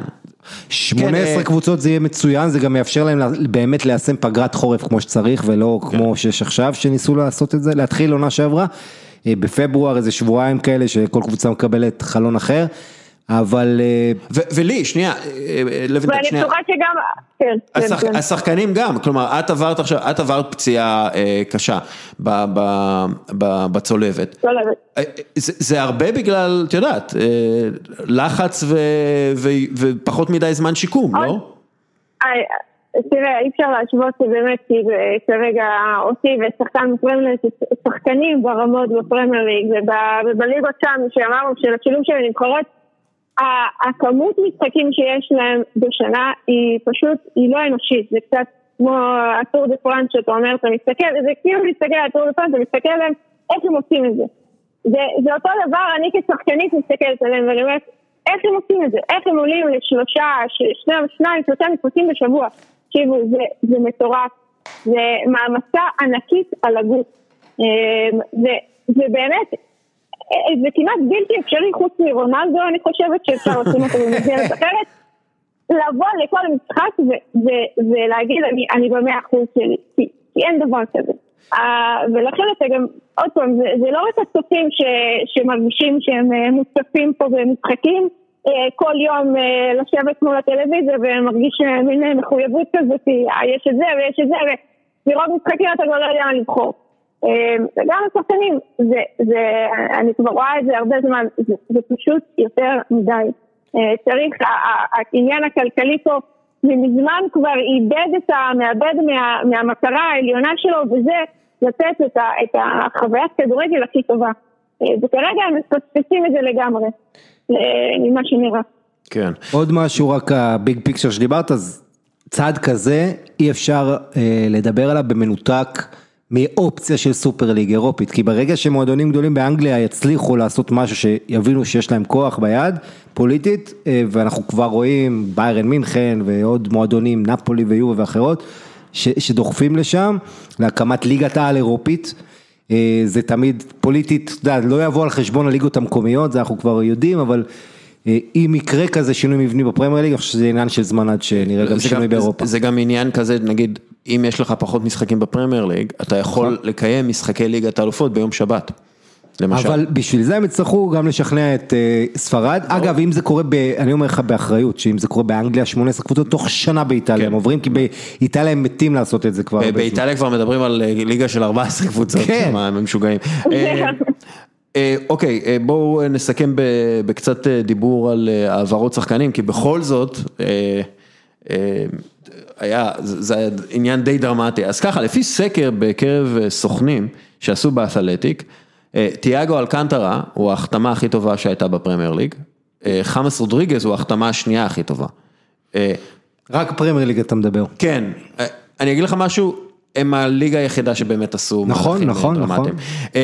אדינסון קבאני הוא ההחתמה הכי גרועה, לפי הסוכנים, וואן דה ביק הוא ההחתמה השנייה הכי גרועה. שאגב, אני מבין, כי למה אתה מביא את ואן דה ביק כשיש לך את ברונו פרננדס, אבל בסדר, אוקיי, נגיד. אה, לפי הסוכנים, אברטון עשתה את הקיץ הכי טוב בשוק ההעברות, אסטון וילה שנייה, וצ'לסי שהוציא הכי הרבה, שלישית, ומנצ'סטר יונייטד מן הסתם עשתה את הקיץ הכי גרוע בשוק ההעברות, ברנלי שנייה, אני חושב שברנלי לא החתימה אף שחקן, לא החתימה שחקן אחד או משהו כזה. כן. אה, הס- את הסוכנים, למה אתה מצפה בינואר? אגב, אז- לא נגמר חלון העברות, עד 16 באוקטובר, זה מתי? כן, זה חלון אה, העברות פנימי. כן. אה, למה אתה מצפה בינואר? אז סנצ'ו ליונייטד, זה ציפייה אחת, אה, מקס אהרונס לאנשהו, כנראה לברצלונה, ו- וממפיס דפאי לברצלונה, זה מה שמצפים. אה, אהרונס אולי לביירן מינכן, אתה יודע, הם הביאו את דסט, הם הביאו... בגלל שברסה אה, נכון, הביאה את נכון, דסט. אבל אה, זה או ביירן מינכן מדברים עליו, או יש עוד כל מיני דיבורים, יש גם דיבורים על... אה, ליברפול אולי. ליברפול, כן, יש כל מיני, אבל למרות שאתה יודע, מה, מה אתה צריך? כן. יש כל מיני. אה, אה, השאלה, כן. ואני רוצה לשאול את, את לי על זה, כמה זמן לוקח לשחקן להתרגל לקבוצה חדשה ש... אחרי, אחרי מעבר, את עשית כמה מעברים כאלה? כמה זמן, כמה, כן, כמה כן. זמן צריך כדי לה- להתחיל באמת אה, להגיע למיטב שלך כשחקן?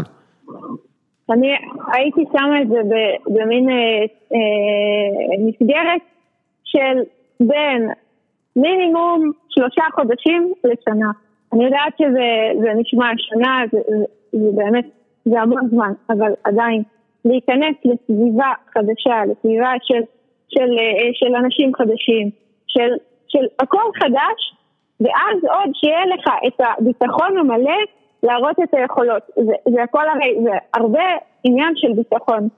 ו- וביטחון נצבר על ידי משחקים, על ידי אימונים, זה לא, זה, זה, זה, זה עניין שהוא לוקח המון המון זמן. אה, זה, זה, זה מאוד מאוד, אה, זה מאוד קשה.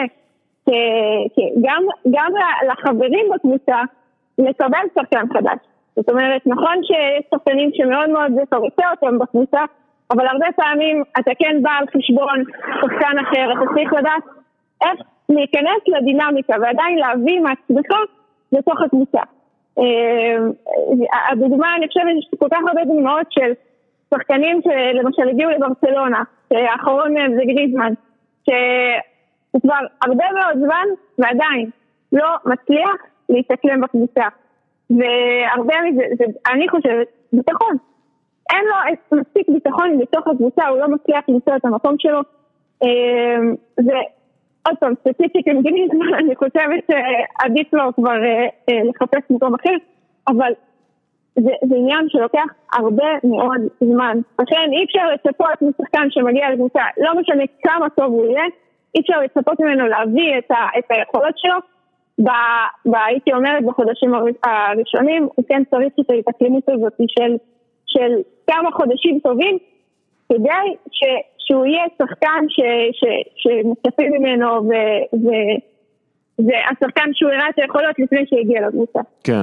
אה, אתה- אתה יודע, אני חושב על אה, תומאס פרטי, כאילו, שמביאים אותו ו- והוא נכנס לקבוצה שכבר התחילה לרוץ, וכמה משמעותי הוא יכול להיות בחודשים הקרובים.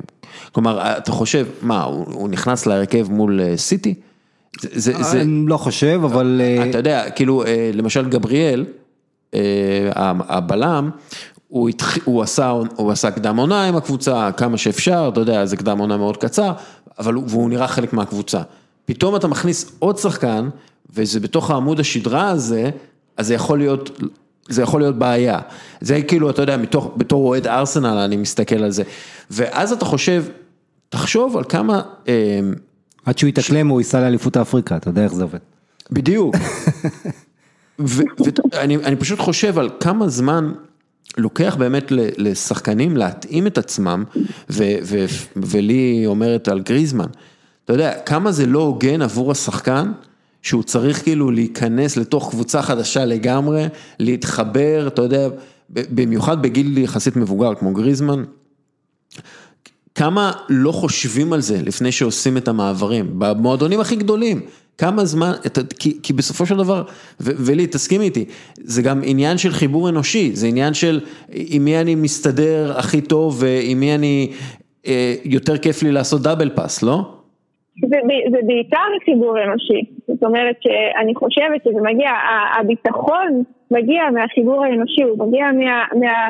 כמה אתה מרגיש בנוח בתוך הקבוצה, אתה לא צריך להיות best friend של כל הקבוצה, אבל אתה צריך להרגיש בנוח עם החברים שלך, אתה צריך להרגיש שהם מאמינים בך, שהמאמן מאמין בך, זאת אומרת המאמן מאמין בך, הוא הביא אותך, כן? אבל זה לא מספיק, זה לא מספיק שאתה יודע שהמאמן הזה ספציפית הביא אותך ומאמין בך, אתה צריך גם את ההרגשה הזאת ש, שיש לך את, ה, את האמונה של החברים לקבוצה, אה, שאני חושבת שהיא מאוד מאוד קריטית, העניין של הביטחון העצמי. הביטחון העצמי זה, זה פקטור, זה פקטור מאוד מאוד חשוב בהתאקלמות עצמה. מזכיר לי שהייתי בלונדון במסיבת עיתונאים של צ'לסי שפרננדו טורס הוצג עם אנצ'לוטי אז היה מאמן ומשחק בכורה שלו רצה הגורל, משחק בכורה שלו בצ'לסי היה נגד אותה ליברפול שהוא עזב אותה לצ'לסי באיזה עסקת 50 מיליון פאונד ואז משחק ראשון בסטמפורד ברידג' וראול מרלס מנצח לליברפול את המשחק 1-0 לליברפול בסטמפורד ברידג' ואז הכותרת בסן למחרת פלופ שעלה 50 מיליון פאונד.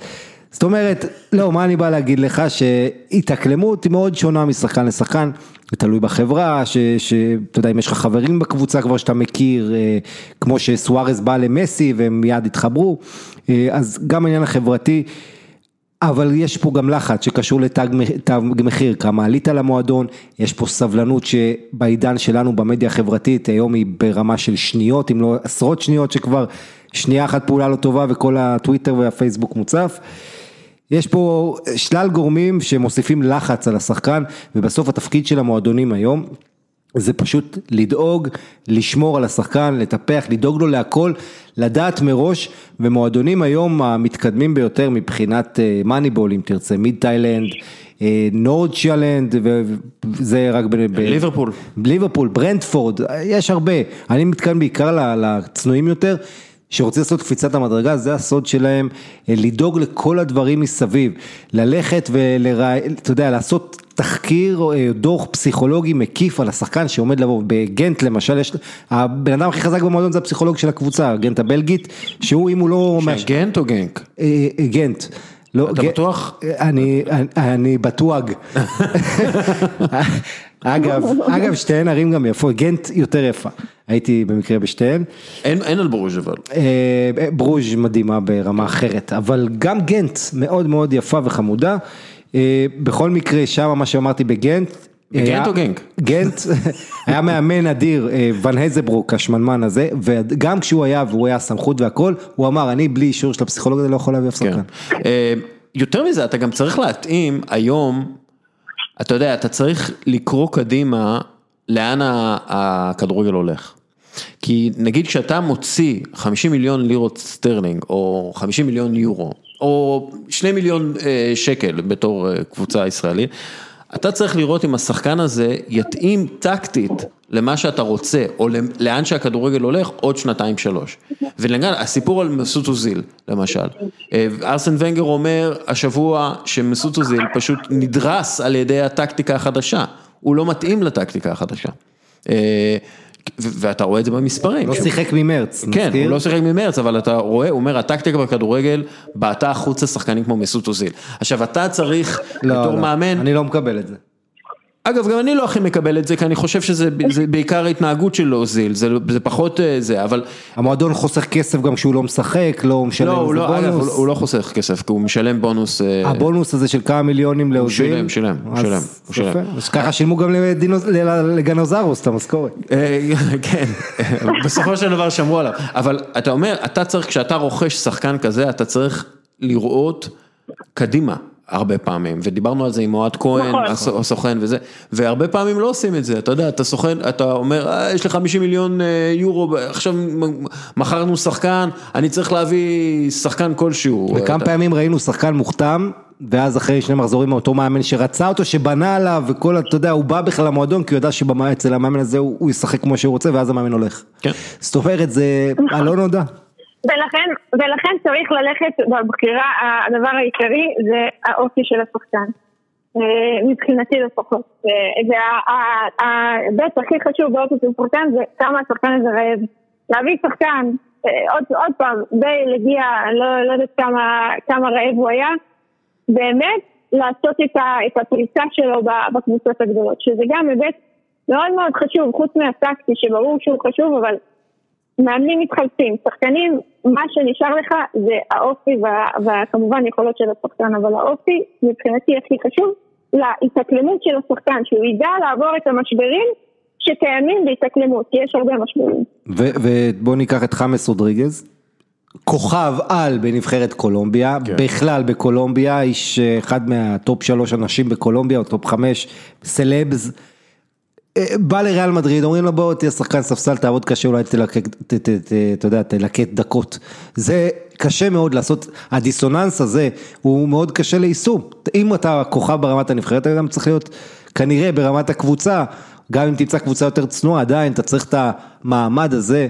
אה, שיש לך, אנחנו מכירים הרבה שחקנים שמרגישים טוב בקבוצה ולא בנבחרת, או בנבחרת ולא בקבוצה, אה, והחוכמה זה, אתה יודע, להשיג את, ה, את ההרמוניה, את, ה, את ה, בעצם, שירגישו טוב בכל מקום, אני חושב שאחד הדברים הכי קשים בימינו, שכל קבוצה מחפשת לבנות סגל של שני שחקנים על כל עמדה, זה איך לשמר תחרותיות ברמה גבוהה וגם אה, לדאוג שהשחקנים שלא משחקים לא יהיו חמוצים מדי, לא ירעילו את האווירה, לא יהיו אנטי, זה אתגר עצום ומי למה ש... פוליטיקה? למה פוליטיקה לא. ישר? סתם, סתם. לא, ומי ש- ומי ש- מי שאלוף בזה זה זידן. אה, תחשוב כמה כוכבים אצלו לא שיחקו בשנים האחרונות והוא עדיין, תראה, מה זה, זידן, זידן אלוף בזה, אבל מצד שני הוא גם, הוא גם קצת אה, לפעמים גומר קריירות של שחקנים. אני נגיד, אחד הדברים המשמחים זה לראות את חמאס עכשיו פורח, מתחיל את הפריחה שלו באברטון, אבל עד שהוא הגיע לאברטון הוא, אה, הוא גמר אותו. אומרת, אה, הוא כן השאיר את החדר הלבשה בטוב, אבל השחקנים ש, שלא משחקים, זה מבחינתם קצת אה, יהיה מאוד מאוד קשה להם לחזור לבמה במה של ה- של הקבוצות אבל בואי לא. נשכח שאותו חמאס בקדנציה הראשונה של זידן כן כיכב בריאל מדריד וכן עשה דברים, פעולות, מספרים, קיבל לבעוט כדורים חופשיים, זה לא, זידן שופט, מחליט לפי מה שיש לו מול העיניים, לפי היררכיה שהוא יוצר וגם לפי התנהגות השחקנים, אה, וזה כדור שלג כזה, הוא לא מרוצה ואז זה רק מקצין ו- וכל זה. אבל בסופו של דבר, אם תסתכלי על המספרים, זידן נתן להמון שחקנים צ'אנסים בעונה שעברה, היו כאלה שלא לקחו אותם, ואגב חלק מהם כמו איסקו בעבר היו טובים תחת זידן, עכשיו פחות, אבל את יודעת, הדבר הכי חשוב אולי אצל שחקן זה להרגיש פייר, את יודעת, לא- שנותנים לי צ'אנס, שלא עושים לי דווקא, זה, זה אתגר עצום לכל מאמן, אני חושב, כי שחקנים כל הזמן מחפשים גם להיעלב ולהרגיש איך דופקים אותם אם לא הולך להם. לא, זה זה תלוי, ב- זה באמת תלוי באישיות של באישיות, אבל, אבל הרוב הכדורגלנים לא, נכון. לא, לא יאשימו את עצמם, או לא ימהרו להאשים את עצמם, יחפשו סיבות חיצוניות. אתה, אתה יודע מי הכדורגלנים הכי טובים? הם אלה ש... וגם- ביקורת עצמית. ביקורת עצמית, וגם ג'ורדי קרויף אמר לי את זה פעם, שהדבר הכי חשוב של כדורגלן זה לדעת מתי הוא טועה ומתי הוא צריך ל- כאילו לתת לעצמו בראש. אפרופו ג'ורדי קרויף, אתה יודע שהוא סיפר שכל הסינים... איזה, איזה name dropping עשיתי עכשיו, אה? כן, ג'ורדי. קרויף אמר לי. לא, לפני יומיים דיברתי עם חבר שדיבר עם ג'ורדי קרויף, והוא אמר לו שכל הסינים מקבלים חיסון שם ב... בסין, רק הזרים שם לא מקבלים חיסון. אבל יש, זה, יש זה, חיסון סיני, זה, כן. זה, הם, אה, המצרים אה, קנו עכשיו, לפי זה. אה, טוב, אה, משחקי, המשחקים הגדולים של אה, סוף השבוע, אברטון, אה, ליברפול, מנצ'סטר סיטי, ארסנל, זה, כן, אפרופו פפ גורדיאולה וארטטה וזה. אה, יש לנו גם... אה, פעם אחרונה ארטטה היה ניצח את פפ, אם אני זוכר. כן, ב- בגביע. גביע.